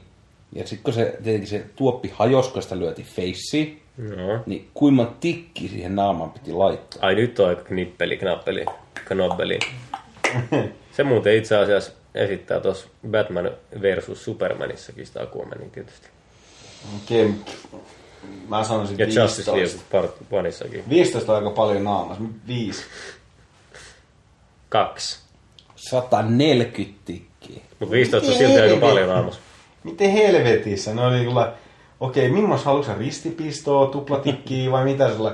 No jos se nyt sais vaan tota, En minä tiedä, mutta näin täällä Wikipedia. Jos se vaan saisi niinku ku- kurottua kasaan, niin, ok. Sitten sillä no okei, okay, me päätetään sitten joku. No me tehtiin tämmöistä niinku tähtikuvia. Kokeiltiin tämmöistä vähän Tämä on myös näytellyt semmoisessa sarjassa kuin Baywatch Hawaii. Joo, sieltä se on aloittanut. Okei, 99-2001. Kyllä. mut siis Itse asiassa niin Baywatch Aloitteko Wedding kuunnella lisää, kun me luetaan Wikipedia? oli Mut siis on- TV-elokuva. Baywatchissa se on esiintynyt ihan mut siis tää alusta. oli semmonen ihan never heard tyyppi mulla. Kyllä eihän tämä mitään elokuvia koskaan tehnyt. Mm, kyllä. niin kuin sä et ole seurannut Stargatea, sä et ole seurannut Game of Thrones. Sä et ole kattonut Bullet to the Headia. Siinä on kuitenkin Stallone. Tää näyttää Lenny Kravitzilta. Niin, et tiedä. Mm. Ei mä aloin miettimään. Et seuraavaksi, kun sä näet, niin tää on Aquaman. Mm, kyllä. Näin se on. Kukahan on tarpeeksi mut kertaa sanonut Aquaman jo. Ketään ei kiinnosta Aquaman. Totta kai kiinnostaa. Ei 2016 tulee eka kerran Aquaman Ai näytillä. Aquaman. Aqua, Aqua, Aqua, Aqua. Ja sitten tulee 2017 Aquaman näytillä. 2018 se saa oma leffa se. Totta kai kaikki kiinnostaa Aquaman. Ei kiinnosta. Se on paras supersankari. Mieti nyt, vesimies. No vittu! Mutta ää, mä päätän tässä vaiheessa, kun kaikki alkaa vituttamaan, myös kuulijoita sekä täällä vieraita, niin lähdetään antamaan pisteitä. niin. Meillä on, täällä- meillä on täällä kyllä paljon vieraita. Tota, Kokonainen studio yleisö. On Mä, meillä mä lähden täältä suunnasta, suunnasta tota, liikenteeseen, koska viimeksi lähdettiin Einarista. Mä annan tälle tota, elokuvalle myös neljä pistettä. Tota, Yhtä lailla. tää, niin kuin Einari sanoi, niin, niin tää Aquaman. ylitti odotukset. Tota, tää ei ollutkaan P, sellainen P-elokuva, mihin, mitä mä luulin. Ja siitä tulee heti kaksi pistettä. Ja tota, sitten, sitten tota, mä annan, annan tota, pisten tästä visuaalisesta maailmasta, mikä oli suht hyvin toteutettu. Ja neljäs piste, piste napsahtaa, napsahtaa tota, Jaa, mä oon miettinyt pitkälle. Okei, sanotaan se äh, Karukoski hiusrajasta. Okay. No, kun mä olin äsken toinen, niin mä haluan olla toinen nyttenkin. Koska Jaha. se on niinku kakkonen ja ykkönen ja mitä näitä kaikki. Niin kuin mä tossa hetki sitten sanoin, niin tää on mainettaan parempi elokuva. Ja, mutta tavallaan mä en voi laittaa tätä. Peli poikki. Nyt on jännää. Meillä saattaa mennä kolme tuntia rikki ekaa kertaa hei tässä podcastin historiassa. Puhu Mus- hitaasti. Tää. Tuota... Mä että Ville kuvaa mua. Toi. Niin, mainittaan parempi elokuva. Sieltä teki sellaista tukkaa paremmin kuin... mä, mä luulin, että, tai siis Schwarzenegger on luonut jonkunlaiset kasvot sille, minkä näköinen niin kuin Conan Barbari pitää olla. Ja Mm. toi. Joo, anna mennä. vaan. Niin, ja tota noin... Tuo, tuo, tuo. Mä en halua nostaa tätä kuitenkaan se yläpuolelle, mm-hmm. vaikka tää on niinku ihan hyvä leffa. Et Mä en, mielestä, voi keskittyä, ota nyt vittu se kuva. No. et sun mielestä niin olisi väärin sanoa, että tämä on parempi. Niin. Mutta se, että yllätti tosi paljon, niin mä annan tämän 4,75.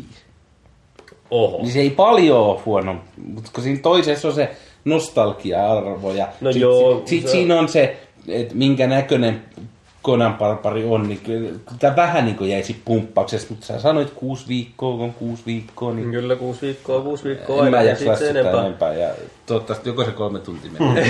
ei mennyt vielä. Mutta siis niin nyt on mun vuoroni ja, ja, ja mulla oli just niin valmiin kielen päällä kyllä itse asiassa No. mun argumenttini. Mutta joo, mun argumenttini on tää. Itse asiassa kun sä sanoit, että niin tätä ei voi nostaa, No voi sen nostaa nostaa. sun mielessä yli, niin mä sitten taas lähden katsaumuksella niin edustamaan niin nuorempaa sukupolvea, kun mä oon nuorempi kuin sinä. Niin jos ajattelee tämmöistä nykykatsojaa, meitä vaikka sukupolve nuorempaa tai vaikka kaksikin, niin kyllä mä annan tällä neljä, kun mä annan tällä äsken kolme ja puoli.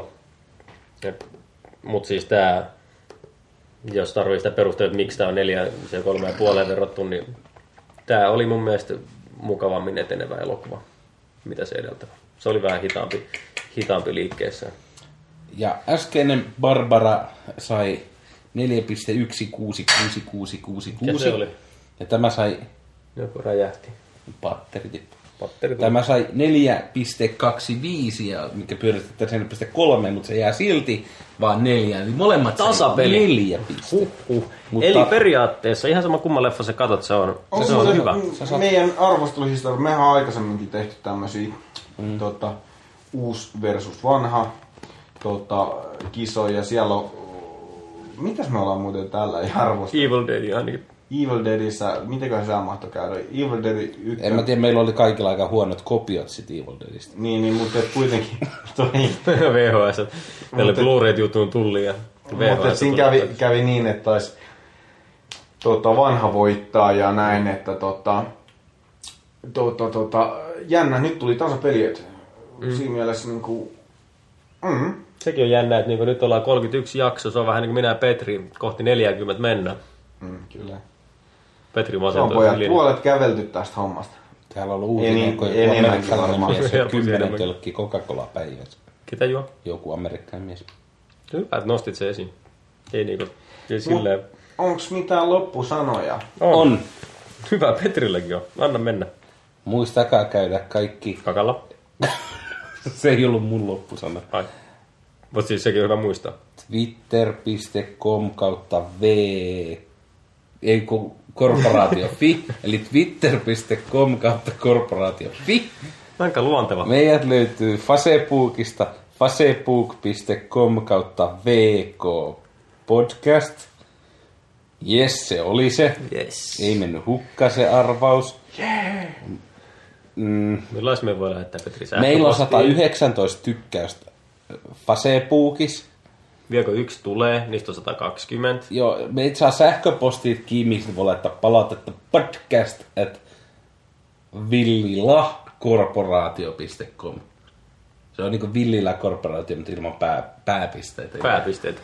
Eli villi, ei kun podcast at miukumauku. Ei At se- miuku kaksi.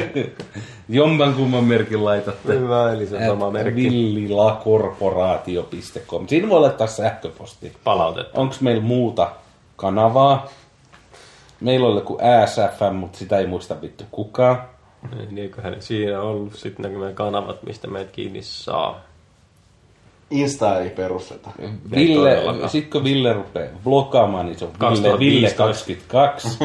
Toivottavasti sä oot varannut sitä, että se menee. Ville, Ville menee idoleitten perässä sinne. Joo. Ville 22. Ai, ai, Meidän Facebookista löytyy kaikkea kivaa. Tuoreita siellä on, siellä on linkki myös, kun me käytiin vierailemassa yhdessä toisessa podcastissa. Joo, kuunnelkaa Spektaattoria. Ja tämä kuul... siitä tulee myös osa kaksi. osa kaksi tulee käsittääkseni. 15. päivä muistaakseni tätä joulukuuta. Okei, eli ei lopu kuunneltava kesken. Ei 15. joulukuuta tulee seuraava osa tosiaan sitä. Mä kuuntelin sitä alkuun, se oli ihan hauska niin kuin silleen, että jos, jos on tottunut meidän läpi näin, niin se varmaan tota, kuulostaa ihan jees. Jees korvaan sekin. Korvaamato.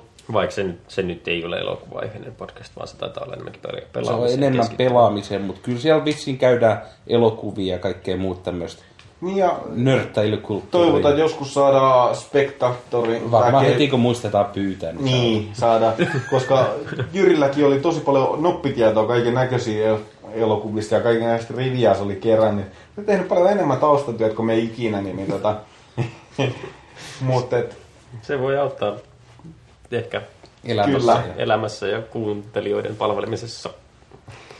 Olemme näissä palveluammatissa. mites, mitkä on viimeiset sanat? Einarilla oli vielä jotain. Katoko Einarin vuoro valita elokuvat. Ahaa, nyt tulee jännä. Nyt tulee jännää, pojat. Hei, mä en muuten ole itse. Mä Jos on joku päättänyt- paska-elokuva, niin mä en kato. Seitsemän kuukauden päästä vasta. Niin, ei siis kun...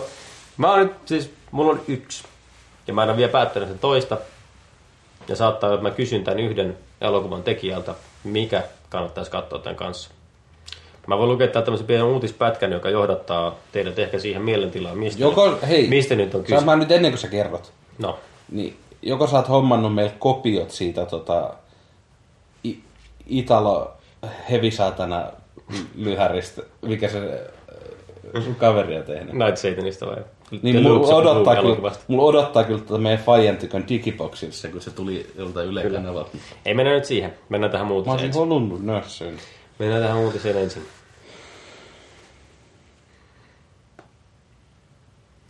Piip. On voittanut lyhyt elokuvasarjan pääpalkinnon, kultaisen pääpalkinnon, Adventti. kultaisen pääkallon, anteeksi, Morbido-festivaalilla Meksikossa Okei. Okay. 2014. Night Satan and the Loops of Doom on meidän ensi kerran toinen Okei. elokuva. Eli se oli se. Kyllä. Mutta nyt mä en ole vielä päättänyt, siis meillä on siis kopio, ja mä mietin, että joko me tehdään niin, että ennen nauhoitusta me katsotaan se yhdessä, tai sitten se kiertää se kopio. Joo. Jompikumpi. Ja sitten sen kanssa mä ehkä kysyn Trisulta, että mikä katsotaan sen kanssa. Okay. Eli ainakin Night Satan Yes! on tulossa. Mä joskus, joskus Saattaa, saattaa olla, että katsotaan, en, en mä jaksa. Saattaa katsoa Krisu joku toinenkin leffa, mutta Mä ehkä en ole ei. nähnyt sitä kauko... Kaukosaare, Kaukosaarekin se on rohtokaa. hyvä.